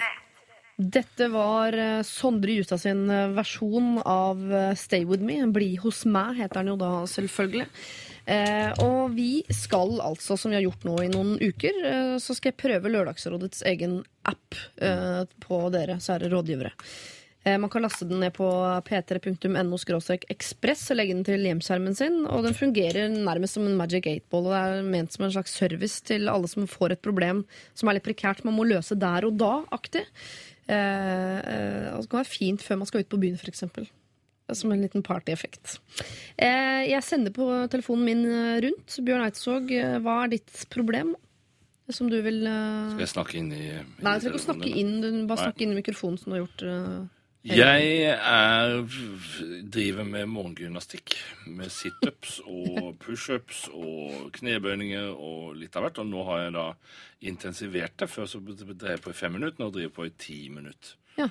Det har ført til at jeg har fått fryktelig vondt i ribbeina. Altså, jeg har vondt Jeg er rett og slett støl. Ja. Innmari støl og får problemer med å ligge på disse ribbeina på natta av og til. ja. Sånn at dilemmaet mitt er rett og slett eh, Skal jeg droppe treninga? Eller gå tilbake til den, lille kvoten? Eller skal jeg fortsette å bare trosse de smertene, for jeg vet at de kanskje går over? Ok, Så spørsmålet blir eh, skal jeg trosse smertene mine eh, og, Og fortsette å det går over. Ja, Trykk da på bildet av meg. Mhm. Og så se hva du får opp. Trenger du lesebriller? Det, det trenger jeg, men jeg trenger ikke akkurat nå. Hei, klarer du ikke å bestemme deg? Da har du kommet til rett sted. Nei, men da har du ikke trykka. Det er velkomst. Du må ta. Nå kommer det. Hvorfor ikke? Hvorfor ikke? Nei. Da syns jeg du skal slutte, ja. Driver fra Nei, da fortsetter jeg, da. Ja, da fortsetter du. Ja. Ja, hvorfor ikke? Hvorfor ikke? ja, men det var kjempebra. Tusen hjertelig takk for eh, Det er deilig å få- noen råd òg. Ikke bare gi. Ja. Ja. Jeg, hadde, jeg gikk i en sånn eh, Jeg har jo en, en utdannelse på å være profesjonell rådgiver. Ja.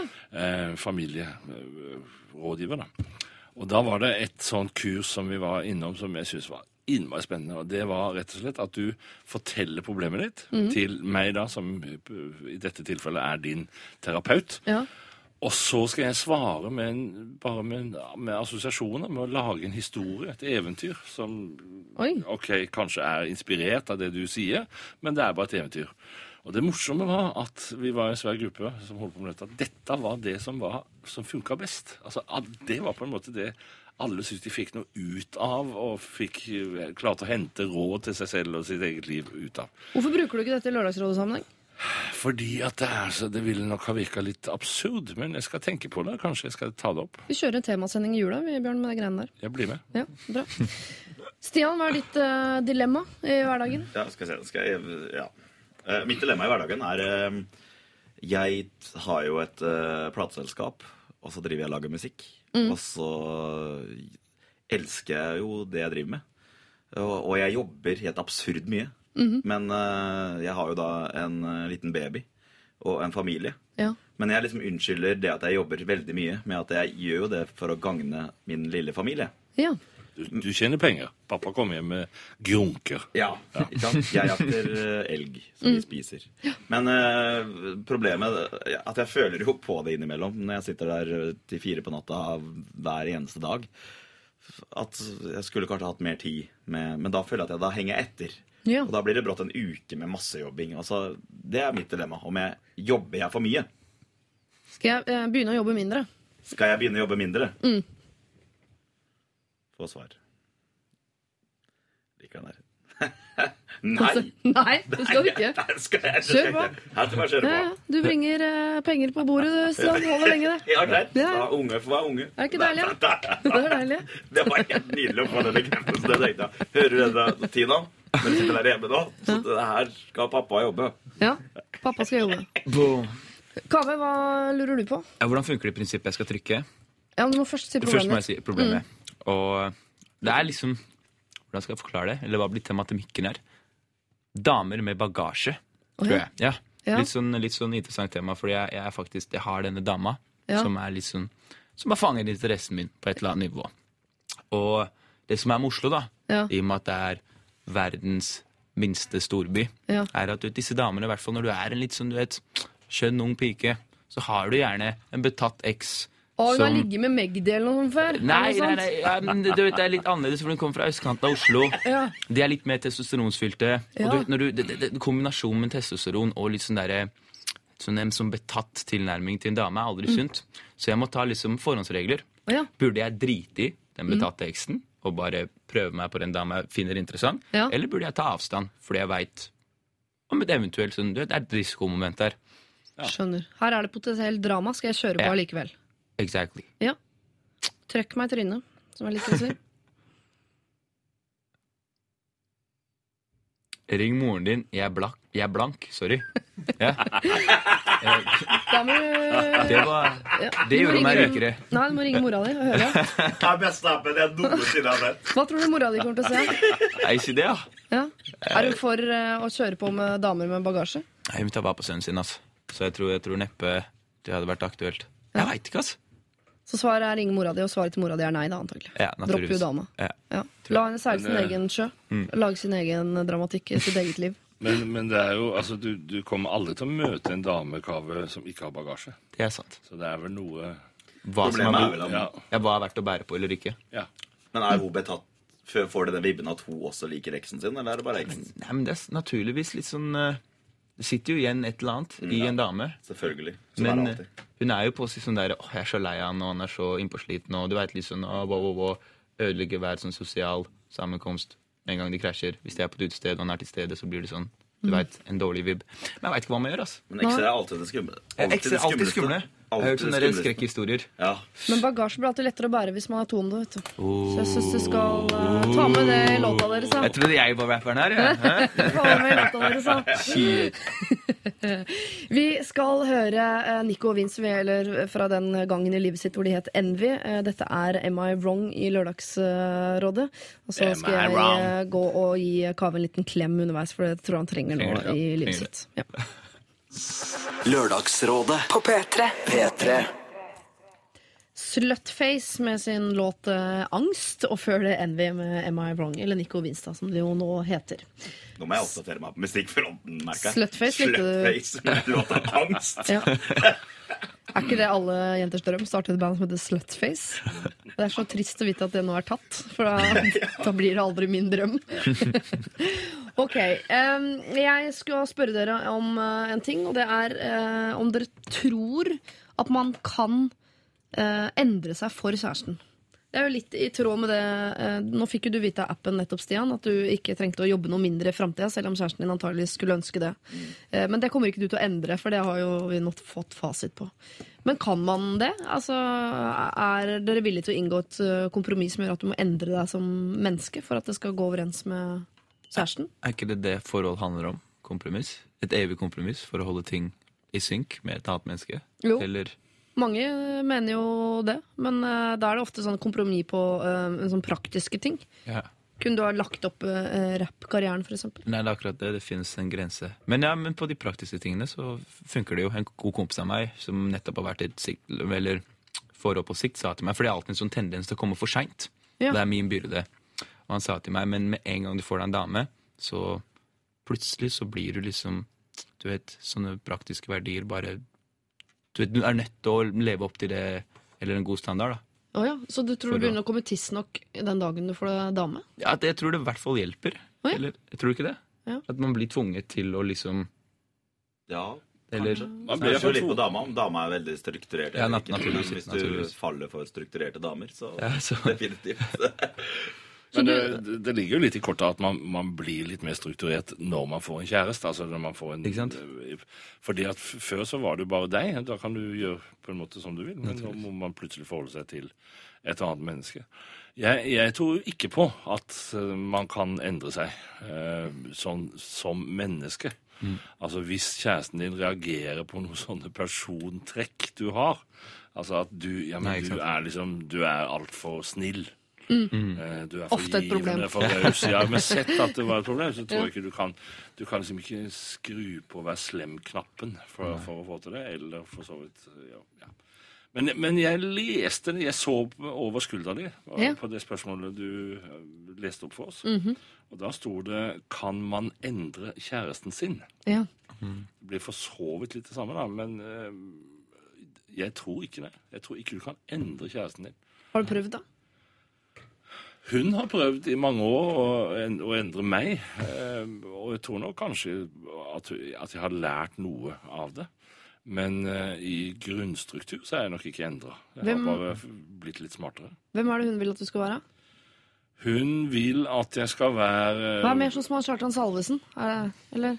Ikke Kjartan Salvesen. Nei. Eh, Kjartan Kristians, Kristiansen er vel nærmere, vil jeg tro. Hvem er det? Det vet jeg ikke. Altså. DumDum Boys uh, Ja, Ja, ja. Stille, rolig, tilbaketrukket, ikke så framfusen, flink å spille gitar. Da tror jeg jeg hadde vært fornøyd. Men det er ikke aktuelt. Du blir ikke Kjartan. Jeg blir ikke Det er litt seint. Litt seint å bli Kjartan. Så kjipt for Kjartan òg, da. Må han bli bjørn? Jeg tror ja det, men altså, jeg tror i utgangspunktet ikke at man kan forandre folk. Du kan berike dem, ikke forandre dem. Ah, få det inn i låta! Få det inn i låta! Bra, Kave! Yes, sir. Ja, så bars. Ja. Vi skal høre M83 med Reunion, og så skal vi prøve å hjelpe en dame som på tross av det vi har sagt nå, har et intenst ønske om å endre sin eh, samboer. Eh, Om vi har noen råd som kan gjøre at hun kanskje faktisk får det til, det gjenstår å se. Dette er Dette er P3. M83 var det der med sin eh, reunion, og eh, nå skal dere, kjære rådgivere, eh, Stian, Kave og Bjørn Noen ganger jeg, jeg må si etternavnet ditt, for hvis jeg ikke sier etternavnet ditt, så, så heter du Trond i mine. Du ser så trondete ut. Gjør det. Kan ikke noe for det. Eh, men Hei, altså Bjørn. Ja, du ser veldig Bjørn ut også. Det er ikke det. Kjære Lørdagsrådet. Jeg var sammen med min samboer i snart ti år. Og i ti år eh, Altså, jeg har vært sammen med min samboer i snart ti år, og i de ti årene har jeg irritert meg grønn over én ting. Han er utrolig treig, somlete og dårlig til å beregne tid. For å illustrere hva jeg mener, byr jeg på følgende eksempel. Da vår eldste sønn skulle døpes, begynte seremonien klokken 11. Halv elleve fant samboerne for godt å hoppe i dusjen, og ti på elleve satt han og så på YouTube for å lære seg å knyte slipsknute. Jeg er, som dere skjønner, ganske mye irritert ved avreisesituasjoner. Selv sier han at det er fordi han kommer fra Sør-Amerika og egentlig eh, er ganske lite innstilt på å endre sine vaner. Har du noen tips til hvordan jeg kan få han på tross av dette til å endre seg, eller er det rett og slett noe jeg bare må innfinne meg med og leve med? Jeg har prøvd å prate med han om det mange ganger, har ikke ført fram. Ellers har vi det bra, og det er ikke et alternativ å gå fra han. Hilsen Katte. Så hvis noen har tenkt å si dumt den mannen, det er ikke et alternativ. Eh, Men han, eh, altså, han reiser rundt i livet på søramerikansk klokke, så han, er, eh, han forholder seg ikke til klokka på samme måte. Kan man endre det? Du skal ikke lenger enn til Nord-Norge, tror jeg. altså. Kjæresten min er fra Nord-Norge. Hun er, har litt de samme genene. Ja, på Fiji time, liksom? Ja, er Litt bare- sånn Nord-Norge-tid. ja. Ja. Jeg, er også litt sånn stressa. Vi krangler litt når vi har avreisetidspunkt. ja. Så Men det er jo liksom ikke sånt Det er et problem, men som hun sier, det er ikke aktuelt å gå fra han av det. Jeg vet, jeg vet ikke, altså. Om hun bare skal ta til takke med det, eller om hun skal begynne, å, begynne sånne jukseknep, sånn si at dåpen er klokka ti. Ja. Ja, for det er jo klassisk å late som ting Ja. er en halvtime tidligere eller en time tidligere. Uh, Istedenfor uh, For jeg tenker sånn, Egentlig skal man jo verdsette den egenskapen litt. At folk er uh, litt sånn rolige og avslappa, altså ikke, ikke er så innmari stressa. Men klart ved sånne avreissituasjoner så er det jo uh, irriterende, men i det daglige så er det jo egentlig litt digg å forholde seg til. Du jobber jo med det selv, Kaveh. Når du kom hit, du var først i dag, alle rådene. Du kom før med, Stian og Bjørn. Mm, men jeg prøver å endre på vanene. Ja. For jeg har alltid vært, jeg har levd etter min egen klokke. Litt sånn ja, Fiji time. Så eh, nei, jeg, jeg tror bare man må, man må For det er et sånn Du kan kjenne på et par sånne sanksjoner og føle litt på at liksom Du vet, folk Du vet, naturligvis eh, kjenner på at ok, han er, han er alltid forsinka, eller på et eller annet nivå. Men jeg tror det er noe du, du må gå inn i deg sjøl for å endre på det. Ja. For du kan høre det eksternt, og du kan få folk til å liksom eh, Nei, jeg veit ikke helt, altså. Jeg er ikke ja, for han vil jo ikke. Han vil jo ikke. Ja, prøv en sånn seksuell sanksjon. Bare si du får ikke ligge med meg hvis du ikke strammer opp. Ja, går Jeg bare, i sex da. ja, bli- gradvis. Ja. Den kussa her kommer du ikke inn på med mindre du møter opp tidsnok. No. Den kusa her kommer du ikke inn på med mindre du møter opp tidsnok. Ja, jeg Det siterer. hadde funka for meg, i hvert fall. Ja, Ja, det, det er greit. Men jeg blir Men det er- hadde ikke funka på meg. I det hele tatt. Det er for du driter sånn. Nei, for jeg bruker jo Jeg har snudd på det. Det har jeg gjort eh, siden eh, jeg Du var har 18 år. snudd på det? altså Hva mener du? Bruker den andre inngangen? Du får ikke min penis hvis eh, ikke du oppfører deg. Oh. For den er og golden. jenter blir helt ødelagte hvis man snur på den der. Når de ikke kan bruke den klassiske fella. Traumatisk. Og, og det er du som begynner. Ja. Nei, jeg orker ikke. Jeg vil ikke. Ikke sant? Da, da blir det et eller annet som skjer i hodet deres, at man oppnår en form for makt. Som, er- da blir de som små sånne pusejenter. Ja, og det burde de prøve en gang. Ja, jeg har bare alltid vært under liksom, i makthierarkiet, så er det kvinnfolka som har kontroll Ja, på men meg. når du begynner å kontrollere det selv Ja. Du lar det få maktoppgave. Ja, jeg vet. Du har Jeg makta. knipen på kuken som Stian Staysman. Nå Jeg håper du skriver ned alt dette her. Dette, jeg har jo den låta Ja, fy faen. Nå er kuse og kuk i samme stikk med Bjørn Eidsvåg. Det, det her må bli Jeg har jobba som vikar i Radioresepsjonen atskillige ganger, så, så dette skremmer ikke meg. Men jeg kan fortelle om et triks som eh, vi bruker på, på veien. da. Altså, det, det betyr når vi er ute og spiller med band og er på turné. Og, For da er det veldig ofte noen i um, den, altså noen av de folka som jobber i den bransjen som jeg jobber i, som enten har festa fryktelig lenge og ikke klarer å stå opp, eller som har et veldig flegmatisk forhold til tid. Og det er de samme folka, ikke sant? Ja, Ja. Og, men vi har, bare, vi, har, vi har innført at da vi skal nå en ferge klokka ett fra det stedet til det, så må vi kjøre på hotellet klokka sånn og sånn. Og da kjører vi. Ja. Altså om vedkommende ikke er der, så kjører vi det. Og så er det opp til vedkommende å sørge for å komme seg til det stedet som vi skal ha konsert på egen hånd. Så det er jo et tips. Altså bare gå i dåpen og la han sitte der, og så Ja. Men det blir jo et problem, fordi hvis du da plutselig er på Sauda da, og skal holde konsert, og så er uh, gitaristen han er en på Lillehammer, han. Det blir jo et problem for deg på et eller annet tidspunkt. Ja, det. det største på, på et eller annet tidspunkt så kan altså Det blir jo et slags problem, men det er ikke, det er ikke så innmari stort. Nei. Altså Man klarer seg klarer alltid å gjennomføre en konsert uten en gitarist.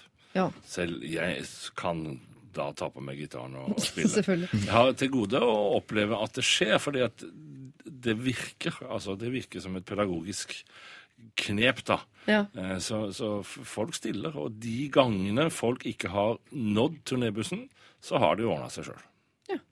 Da er helikopter og Ja, det får bli opp til de. svø svømming og helikopter. Men eh, så Katte her, hun skal rett og slett si sånn eh, Dåpen er klokka 11. Eh, kvart på 11, da går bilen herfra. Ja, Og så kjører hun, selv om han da eh, er på do, eller hva han driver med. jepp. Bare ikke er mitt. forholde seg til det. Ja. Kanskje det er eh, veien å gå. Eller så kan man jo eh, Du, Kaveh, når du kom i dag morges, Mm. så kom du jo sammen med en annen mann som var her, og hans Som eneste på. oppgave var å passe på at du var her i tide. For idet vi begynte å prate, så dro han. Han gadd ikke å være her og høre på, eller sånn. Da dro han. Ja, men det er, jo- det er jo å ta saken i egne hender og ordne opp i det. Naturligvis. Det er helt stu- supert. Men, Ja. men, men jeg tenker litt sånn, når det er på et forholdsnivå, så blir det nesten som en duo. For du kan alltid gå uten et bandmedlem. Mm. Men kan du liksom ha en konsert uten si Nico Vince, da? Hvis Vince er for seint? For du vil gjerne møte opp som en, et selskap når du er i et dåp Ja. Ja. med mannen din. Så da blir det litt sånn Jeg vet ikke. Jeg tror ikke det er mange gangene om å gjøre det før han lærer. Nei, det er sant. Nei, Og kanskje ikke dåp er den, for det er litt kjipt å komme sånn sur til dåpen til sønnen din uten mann, som kommer sånn halvdusje eller ti over. Det er ikke noe kult. Men i andre sammenhenger, da, for eksempel en middagsinvitasjon eller et eller annet, det er jo ikke så farlig. Men det er noe som heter uh, African time. Eller, altså, det er noe det, Jeg tror nok vi er spesielt hekta på disse tingene her, altså på tidspunkter i Skandinavia, Ja. Nord-Europa, framfor andre steder. Jeg har vært en del i Afrika og, og veit at det er Du kan bare glemme å si 11. Ja, ja, ja. Klokka 11 møtes vi der og der. Det er flexitime. Altså 11 er, kan like liksom godt være ett. Jeg tror, det, jeg tror det egentlig er bra, da, å ha det Ja, når sånn. du først men det virker venner deg til det, så er det iallfall Da er det sånn. Da vet du at det er sånn. Det virker som jo nærmere man bor Tyskland, jo mer opptatt er man av klokka. Det er et eller annet, det er episenteret for tid. Og så jo lenger vekk man er fra Tyskland, jo mer Fiji-time er man eh, mentalt. Eh, Katte, du er nødt til å bare eh, være striktere og si bilen går kvart på. Og da går bilen kvart på. Og hvordan han da kommer seg fram, det får han finne ut av på egen hånd. Og det handler om i eh, kjærligheten, som Kave sier, så er dere jo en duo. Så dette her handler litt om respekt også fra hans side. Jeg vet ikke om du har brakt det fram i de samtalene dere har, men det kan du gjøre hvis samtalen skulle dukke opp igjen. Lykke til. Eh, send meg gjerne en mail og si hvordan det går. Om du har fått stramma opp han typen din. Eh, send det til meg på lralfakrøll.nrk.no. Dette er Lincoln Park med sin In The End, og før det Le Metre, Time To Realize. Eh, vi skal ta et eh, litt sånn tungt problem, eh, gutter. Eh, jeg leser fra toppen. Det er fra Andreas 26, dette her. Kjære Lørdagsrådet. Jeg har ikke snakket med faren min på snart fire år. Jeg kuttet kontakten for å slippe å forholde meg til han, og slippe å bli mer såra. Han har en del problemer, som alko- og pillemisbruk, som gjør at mitt forhold til han kun har dreid seg om han. For å ta et litt banalt, men illustrerende eh, eksempel, var det helt naturlig for han å ikke vite hvilken by jeg bor i eller hva jeg jobber med, men han forventer samtidig at jeg skal stille opp for å gi han den kjernegode familiefølelsen når han trenger det. Når han gjentatte ganger sårer ved å la alt dreie seg om han og aldri bry seg om meg, førte det til at det ble mye lettere for meg å bare kutte kontakten. Alt dette har jeg forsonet meg med, og jeg er fornøyd med løsningen om å ikke ha kontakt, så det er ikke problemet. Nå har det seg slik at jeg er invitert til 80-årslag til min bestefar. Jeg fikk fin kontakt med resten Jeg har fin kontakt med resten av familien og er veldig glad i både bestemor og bestefar. Det ville blitt eh, koselig for meg å se tanter og onkler og søskenbarn igjen, og det ville betydd mye for bestefar at jeg møtte opp på hans store feiring. Problemet er bare at pappa garantert kommer til å være der. Det kan skape mye krøll om vi er der på den samme festen med så mye usnakket oss imellom. Jeg er redd for at han skal bli emosjonell og lage en scene, slik at kvelden eh, ikke lenger handler om bestefar. Jeg kan legge til at jeg bor såpass langt unna at jeg kan lage, helt, eh, lage en helt legitim unnskyldning for å ikke komme. Så spørsmålet mitt er som følger. Skal jeg dra i åtteårslag eller ikke? Med vennlig hilsen da Andreas 26. Å, vanskelig. Er det vanskelig, ja? Og sårt. Ja. Det er jo så sårt å ha, ha en pappa som du ikke kan stole på, og som du ikke kan forholde deg til. Det er fryktelig sårt. Så dette, dette misunner vi deg ikke. Nei. Eh, jeg vil vel si at liksom Tenk om du hadde klart å dra til bestefar og konsentrert deg om at det er bestefar sin dag, og så fikk du heller liksom manne det opp og tenke at samme søren hva, hva faren min finner på, så skal ikke jeg bry meg. Da går jeg heller i et annet rom, eller jeg, hvis han begynner å lage en scene. For bestefar er jo faren hans, da. Så faren hans har vel kanskje et ansvar på å eventuelt irettesette han, eller hva det måtte føre til. Uh, ja, jeg jeg tror han hadde vunnet Jeg tror du vinner på å stille opp i 80-årsdagen og prøve å manne deg opp og drite i faren din.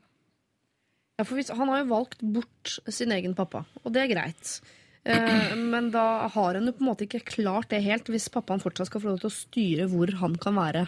Og han har jo lyst til å gå i den bursdagen, så da burde han jo få lov til det. Men her høres det ut som han tar ikke av hensyn til seg selv, det er av hensyn til bestefar. Han ønsker jo ikke at eh, faren her skal ta all oppmerksomheten som bestefaren burde ha i denne festen. Naturligvis. Er det noe preventivt man kan gjøre for å liksom, uh, sørge for at pappa ikke får den festen her til å handle om seg, sånn som han pleier å gjøre? Jeg tror ikke.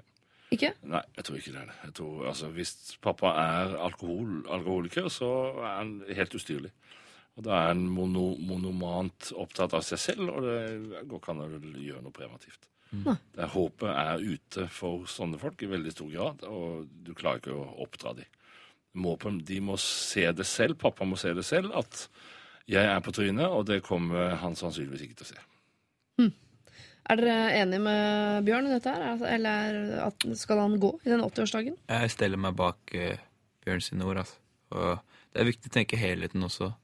Og, og, og jeg føler liksom I og med at det er bestefaren sin dag, så må man legge ved liksom For det er en personlig greie de har Ja. mellom, mellom faren. Ja. Så, så hvis han ikke dukker opp, kommer faren til å lage en scene? Eller det virker For resten av familien har jo ikke valgt bort denne pappaen, så det virker jo ikke som de er så plaga med det selvsentrertheten til denne, til denne pappaen. Det virker som det er først og fremst Andreas 26 her som syns det er så problematisk at han har valgt ham bort. Jeg syns Andreas bare må legge den floken til side og dukke opp. Og Ja. bare For helhetsbildet er det viktigere, tror jeg. At han er til stede. Og for bestefaren. Også for det som skjer, skje. Ja. Skal vi bare si det, rett og slett? Eller er du Jeg har lyst til å føye til én ting, så, så, sånn at det ikke skal bli så svart, det jeg sa. og det er at Jeg, jeg mener jo selvfølgelig at det er håp for folk som er alkoholikere på å endre atferd. Det mm, tror jeg definitivt på, og det, det vet jeg skjer hele tida. Men i dette tilfellet her så er det på en måte Pappa må se det sjøl før det skjer noe endring. Ja. Og det, det klarer ikke Var det Andres? Andreas. Andreas. Mm. Det klarer ikke han å gjøre noe med før den 80-årsdagen, tror jeg. Så prøv heller å klippe bort de følelsene som er attached altså til de som du har liksom, til pappa i dette her. Prøv. Sett, hva med å sette, at, sett, liksom, sette opp en tidstabell, da? Mhm. Du kommer i bestefar sin 80-årsdag, og du blir der i to timer. Ja. Altså, prøv å holde ut så lenge. Men er det ikke et alternativ liksom, i, eh, i det du ankommer 80-årsdagen, eh, ta pappa til side sånn I dag skal vi hygge oss. Dette handler ikke om vår konflikt. Dette er bestefars dag. Hvis vi skal snakke sammen, eh, og det burde vi kanskje gjøre på et eller annet tidspunkt, så får det bli en annen gang. I dag handler det om bestefar. Og så eh, gå ut i festen og ha den festen i to timer. Tror du ikke det kan på en måte stagge det der greiene hos faren eh, i, i de timene det varer? Problemet kan jo ligge like mye Altså, det er jo så mye følelser inni bildet her at eh, det er ikke sikkert eh, han Andreas klarer det heller, da. At det er vanskelig for han også å holde følelser tilbake. Altså, jeg har sett Jeg har vært ikke i samme situasjon. Jeg har en pappa som ikke er alkoholiker. Men jeg har vært eh, sammen med noen som har hatt, eh, hatt det, og mm, det, det er så, så rart å se hvor mye som skal til før man faktisk eh, legger faren sin for hat. Mhm. Jeg har sett uh, det mennesket bli såra gang på gang på gang på gang på gang. Mm. Men gir dem alltid en sjanse. Og det, det kanskje er vanskelig for Andreas da, hvis han dykker opp i 80-årslaget, at man, man er jo glad i pappaen sin. Det ligger jo fra naturen sin side, selv om han prøver å klippe den bort. Og det kan jo være vanskelig for Andreas å Kanskje det er Andreas som ender opp med å ta seg en øl for mye, da. Og blir emosjonell. Mm. Så jeg, han Andreas må kanskje føle på det um, hva, Hvordan han vil ta det. Og, og ta vurderinga ut derfra. Og hvis han tenker sånn at det, her klarer jeg fint, jeg klarer å klippe bort pappa, Mm. så møt opp. Ja. Nå er dette langt borte fra der han bor, så det er ikke sånn at han kan late som sånn eh, Jeg kommer åtte med meg gå klokka ti, for jeg skal på Kavekonsert, f.eks. for. Det, det er vanskelig å bruke som unnskyldning. Men jeg ser også for meg at han kan komme på denne festen og gi seg selv en regel at idet det eh, begynner å nærme seg noe som kan minne om en scene, eller idet du merker at det blir anspent stemning i rommet, om det er jeg som er emosjonell eller pappa, så drar jeg derfra. Og da kan man vel kanskje klargjøre med bestefar på, i forkant sånn Du vet jo, bestefar, at jeg og pappa har et trøblete forhold. Så hvis jeg merker at det eh, er i ferd med å bli et tema på festen, og, ikke, eh, og som overskygger deg og din dag, så kommer jeg til å trekke meg tilbake. Og det har ingenting med deg å gjøre. Veldig, veldig smart. Da, ja, men da må du ha en eller annen retrettmulighet som jeg tenker at det kan være fint å snakke med om ikke pappaen din, altså snakk med bestefar i forkant. Si sånn, selvfølgelig vil jeg feire dagen din, men du vet jo hvordan ståa er mellom meg og pappa. Så hvis eh, noe begynner å utarte seg, så kommer jeg til å trekke meg tilbake, sånn at du skal kunne ha en hyggelig dag. Det, eh, det mener jeg må eh, Det må kunne gå an, rett og slett, å si fra om på forhånd. Så slipper du å tenke så innmari mye på det, for da vet du at hvis du må gå, ja, så veit bestefaren din hva det handler om. Andreas, eh, lykke til. Det viser seg her at alle mener at du skal gå i 80-årsdag. Og om du gjør noe i forkant av 80-årsdagen for- som skal være preventivt eller ikke, det blir opp til deg selv. P3 Lørdagsrådet på P3. Becky G var det med sin låt eh, 'Shower'. Og jeg sitter her sammen eh, med eh, Bjørn Eidsvåg, Stian Staysman og Kave. Satsspørsmål onanerer dere ofte? Over gjennomsnittlig, tror jeg. Ja. Nei. Kanskje. Nei. Nei. Jeg har gått på et sånt eh, kurs der man kan eh, Jeg har fått beskjed om at eh, er stillhet er den beste eh, altså våpenet mot å få folk til å snakke om ting de ikke vil snakke om. Så man stiller kleine spørsmål, så lar man det være helt stille, så vil folk begynne å snakke om det til slutt. Ja. Denne kampen vant du, Bjørn, for du eh, tålte stillheten lengst, mens Kave og Stian dere var utpå med en gang. ikke sant? Bretta ut sjela deres og begynte å snakke om det. Det er gøy. Eh, Vi skal snakke mer om onani, selvfølgelig. Det er jo noe av det morsomste man kan snakke om. Eh, Vi skal over til et onaniproblem om ikke så lenge, men først skal vi høre Nabolagsstjerne. Lørdagsrådet På P3. P3 Arshad Mahmouni med nabolagsstjerne. Eh, Det er bare én S der. Nabolagsstjerne. Eh, Og som lovt før denne låta, så skal vi ikke la dette med onani ligge. For her er det en jente som har et onaniproblem. Hei, Lørdagsrådet. Jeg syns mitt problem er såpass sært at jeg ikke har funnet det eh, i Jeg har ikke funnet meg i å ta det opp med noen i min innerste sirkel. altså. Jeg ble, jeg ble nylig samboer med min kjæreste for tre måneder siden, og syns uh, naturligvis det er strålende i seg selv, men det har ført til at jeg må endre på mine rutiner og vaner. Så selve problemet. Før jeg ble samboer, onanerte jeg hver kveld etter at jeg hadde lagt meg, som en slags avslappnings- eller avkoblingsrutine. Jeg trodde ikke dette kom til å bli noe jeg kom til å savne, for jeg tenkte vel at vi kom til å ha sex hver kveld istedenfor. Nå har det seg slik at det har vi ikke. Og jeg savner min lille rutine. Og det er rett og slett vanskelig for meg bare å legge meg ned og lese litt, eller stirre i taket og skulle sovne. Jeg har onanert noen ganger, men det føles liksom litt funky å bare ligge der og holde på eh, når han leser eller sover ved siden av. Det blir bevegelse sånn i senga. Om dere trenger litt såkalt praktiske opplysninger, så kan jeg nevne at jeg bruker ikke noe leketøy, og jeg onanerer ikke fordi jeg er så innmari kåt, men fordi det fungerer som en slags nullstilling for meg. Det er en fin avslapningsøvelse for meg.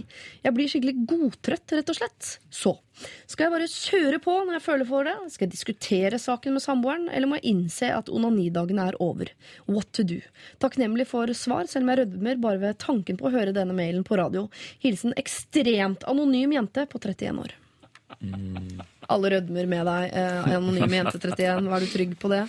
Eh, eh, ja. Vær så god, take it away. Kommunikasjon er vel eh, nøkkelordet, føler jeg. Ja, At man skal snakke om det. Jeg har et onaniproblem. Det her kan Staysman.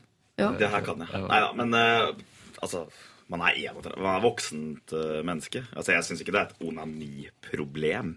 Nei. Har man et onaniproblem, så hadde det vært at hun onanerte i alle mulige ledige pauser. På t- trikken og Altså, da føler jeg at det da hadde vært et problem. Det er et offentlig onaniproblem. Ja, altså, At hun vil onanere før hun legger seg til å sove, det er, kan da umulig være et problem. Men jeg skjønner, hun syns det er litt kleint. da Han ligger ved siden av og leser det siste Ja. til Jo Nesbø, liksom, og der ligger hun og vagger. Er jo- Kommunikasjonen igjen, da. Ja, Det må være mulighet til å snakke med mannen sin om det her. Ja. Ta sånn generell, Er det greit at jeg hver kveld jeg trenger det for, At hun sier det til han som hun har sagt til oss? Ja, Kunne ikke han bare lagt av seg boka og satt av en, liksom en god halvtime og tilfredsstilt, og så gått tilbake til Jo Nesbø? Er det ikke det, er ikke det et alternativ? Jeg vet ikke. Ja. Han kunne ha Hadde du sett gjort det med henne. Ja. For det er veldig obvious. eh, Men hun har antakeligvis da funnet seg en type som ikke har det samme behovet som henne. da Nei. Orker ikke hver dag. Det, det, det er sikkert en naturlig del. Eh, Vanligvis kommer det fra kvinnens ende, som jeg har erfart og tolka eller følt på. Men, Ja. men jeg vet ikke. Jeg tenker at Dette burde ikke vært et problem så tidlig i forholdet, for han burde kunne liksom levert Ja. eh, hver kveld. Men uh, om, la oss si at uh, La oss spole syv år fram i tid. da Ja. Kan det være at han er litt slitsomt hver kveld? Blir aldri Men det høres ut som om det er mer en sånn slags en type aftenbønn for henne enn det er en seksuell seanse. Ja. Altså at det er bare noe hun har vent seg til å gjøre. Men jeg skjønner jo at dette her må være fryktelig superkleint. altså, Når du ligger og holder på med det ved siden av han som leser Jo Nesbø. Ja. Så um, Ja, for, Hvilke dere syns var litt kleint at uh, dere har fått en dame, og hun ligger liksom hver kveld og holder på for seg sjøl? jeg tror jeg hadde blitt litt fornærma, på en måte. Altså, høy Kutt Altså, dette er vi to om. Ja. Så lenge vi, så lenge vi er her, liksom. Men hun gjør det jo for å få sove, hun gjør det ikke for å bli tilfredsstilt. Det hadde vært litt kleint hvis hun sa sånn Kan vi ligge sammen, for jeg, jeg klarer ikke å sovne før vi har ligget sammen. Jeg trenger noe søvndyssende. Bring fram sakene. Men kan hun gå, på, kan hun gå et annet sted da, og, Ja. test, og gjøre det liksom uten at Ja, nei, dette, jeg kjenner at jeg skal ikke gi råd her. Nei. Det er ikke fagfelt. Jeg kjenner at det- Nei. Du har allerede sidestilt onani og aftensbønn, så jeg lurer på om du har sagt nok akkurat i denne runden. Stian, Stian du, får, du får ta ansvar her. Rolig an dette, Stian. Jeg mener fortsatt at kleine ting Det har vi snakka om tidligere på rådet også. Ja. Det er bare å konfrontere parten, partene rundt deg med det. Og Hvis man sier til mannen sin at eh, 'jeg liker å onanere, for da sover jeg bedre', Ja. Så er jo den saken ute av verden. Det er jo kleint helt fram til den er oppe i, oppe i lyset. Ja. Det å prøve å skjule ting, Ja. det blir kleint. Ikke vis, helst, Nei. når du snakker om det. Men altså, hvis han leser Jo Nesbø Ja. og later som han ikke ser at hun onanerer, og hun prøver å skjule det, Ja. det er kleint. Det er kleint, Men jeg syns ikke det er så kleint hvis hun sier at eh, 'jeg onanerer før jeg legger meg'. Ja. Og så sier Keilen 'OK, kan jeg være med på noe? Kan jeg bidra?' Så sier hun 'nei, jeg syns det er en koselig ting som jeg gjør alene'. Ja. Ja, ok. Ja. Og da mener jeg saken er ute av verden. Ja. ja. Jeg hadde aldri turt å ta opp den praten der, men eh, jeg vet jo at du er, eh, du er god på det der, Stian. Det har vi erfart før. Du er flink til å ta opp ting. Eh, Det er det ikke så mange som er, rett og slett. Men jeg, jeg hører jo her anonyme, ekstrem anonyme jente på 31. Prøv å ta det opp med typen din, eh, fordi det blir veldig kleint hvis du skal late som ikke noe allikevel ligger der og holde på. Eh, Så jeg, tror dette er en samtale dere må ha på et eller annet tidspunkt. Jeg, eh, jeg er glad jeg slipper å være der på så mange måter, eh, men jeg, jeg tror det er eneste måten å gjøre dette på. Du må si det til han, altså du må få det opp i dage. Du må få det du nå anser som litt sånn lyssky virksomhet, til å bli noe helt sånn uh, stuereint. For det er jo ikke sikkert han har problemer med det. Det veit du ikke før du har spurt. Eh, lykke til. Eh, jeg håper det ordner, seg på en eller annen eh, måte dere imellom. Eh, si gjerne ifra eh, hva det blei til. Eller alfakrøll.nrk.no. Dette er Det var Emilie Nicolas med sin Grown Up, og før det Calvin Harris sammen med John Newman og låta Blame. Og eh, nå er tiden inne for at vi skal dele ut eh, en uh, Lørdagsrådet-kopp. Den er veldig fin. Den har eh, gummi på seg, sånn at man slipper å bli varm på hånda når man drikker eh, kaffe. Jeg har designet den selv. Jeg er stor fornøyd med den koppen. Jeg er så fornøyd med koppen. Kopp med gummi. Ja, kopp med gummi. Kjempefin er den.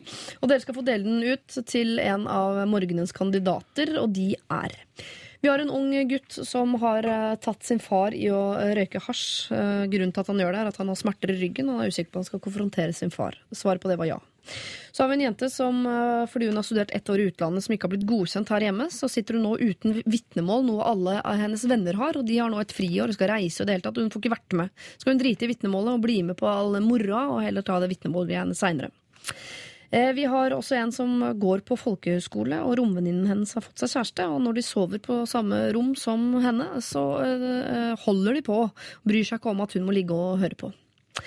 Så er det en som har stuss på hva man kan gi til en eh, kapellan eller en prest som man har gått i samtaler med på skolen. Eh, Hva gir man i gave hvis man ønsker å gi en gave? Eh, Vi har en dame som er frustrert over sin samboer fra Sør-Amerika, som virker som ikke forholder seg til tid overhodet. Kommer alltid seint og tar livet litt for mye med ro. Så har vi en eh, gutt som eh, ønsker å dra i 80-årsdag til sin bestefar, men eh, der kommer han også da selvfølgelig til å møte sin far, noe han ikke ønsker. Han har bestemt seg ikke for å ha noe mer med den mannen å gjøre. Skal han gå eller ikke? Skal man gå eller ikke, er også på en måte problemet som vi tok til sist her. Eh, Onaniproblemet. Jeg trenger vel ikke å forklare det noe nærmere. Dere husker det. Eh, hvem fortjener en kopp? Ja, mitt hjerte svulmer for Andreas, som skal i bestefar sin 80-årsdag, og som har trøbbel med faren sin. Ja. Det er noe av det såreste og vanskeligste som er og fins. Så det Her har du min dypeste medfølelse, Andreas, og øh, hvis jeg får bestemme, være med å bestemme, så heier jeg på deg og Kopp. ja. En eh, kopp er foreslått til Andreas. Hva tenker dere? Jeg kan hive meg på den. Ja. Bjørn er en vis mann. Stian, du, du var best på onani. Ja, jeg har Der, eh, ja. Eh, Men eh, ja, så du vil også gi en kopp til Andreas, eh, 26 år, som skal ha 80-årsdag til sin bestefar? Ja. Ja. Han kan, jo- da holdt jeg på å si at han kunne tatt med seg den koppen, så vet alle at det er han som har en alkoholikerpappa, hvis den har hørt på radiosendinga. Men um, Hvis bestefar på 80 hører på Lørdagsrådet. Hei, bestefar! Det har vært veldig koselig. Uh, hvem vil du gi til da, Kaveh? Jeg kaster meg på det Bjørn føler, altså. Jeg er helt enig. Ja. Føyer dere til Bjørn nå bare fordi han er eldst og klokest, liksom? ja. Eh, Naturligvis. Ja, På livsvisdom, da vet du ikke. Sånn nå er IQ-messig. det. Ja. ja, da får jeg hive meg inn i den rekka der, jeg også. da. For jeg har egentlig ikke noe jeg skulle ha sagt her. Det blir en, eh, en nydelig kopp til Andreas på 26 år. Og Andreas, eh, du må vite at vi ønsker at du skal gå i den 80-årsdagen, men det er selvfølgelig ikke noe plikt. Koppen får du uansett. Eh, tusen takk til eh, Kave, Stian og Bjørn, som jeg nå håper at skal sammen på kafé for å lage denne låta som vi jo har jobbet med i hele dag. Hva den skulle hete. Det begynte på en haug i Sauda. Det var det du sa, ja. Det, skal, det er arbeidstittel på deres eh, felles prosjekt. Så jeg gleder meg til å høre hvordan det går. Eh, du kan, som hører på, kan laste ned denne sendingen som podkast, selvfølgelig. eh, Via iTunes eller på nrk.no podkast. Gjør hva du vil. Eh, Og gå inn på Facebook og se på bildet da, av disse tre guttene som representerer hver sin musikkstil, hver sin generasjon og sikkert veldig mye annet. Det ligger jo selvfølgelig da på Facebook-siden. Kos dere med Kings of Leon, Sex on Fire. Opp mot nyhetene på andre siden er det som alltid lunsjkake. Dette er Lørdagsrådet På P3. P3.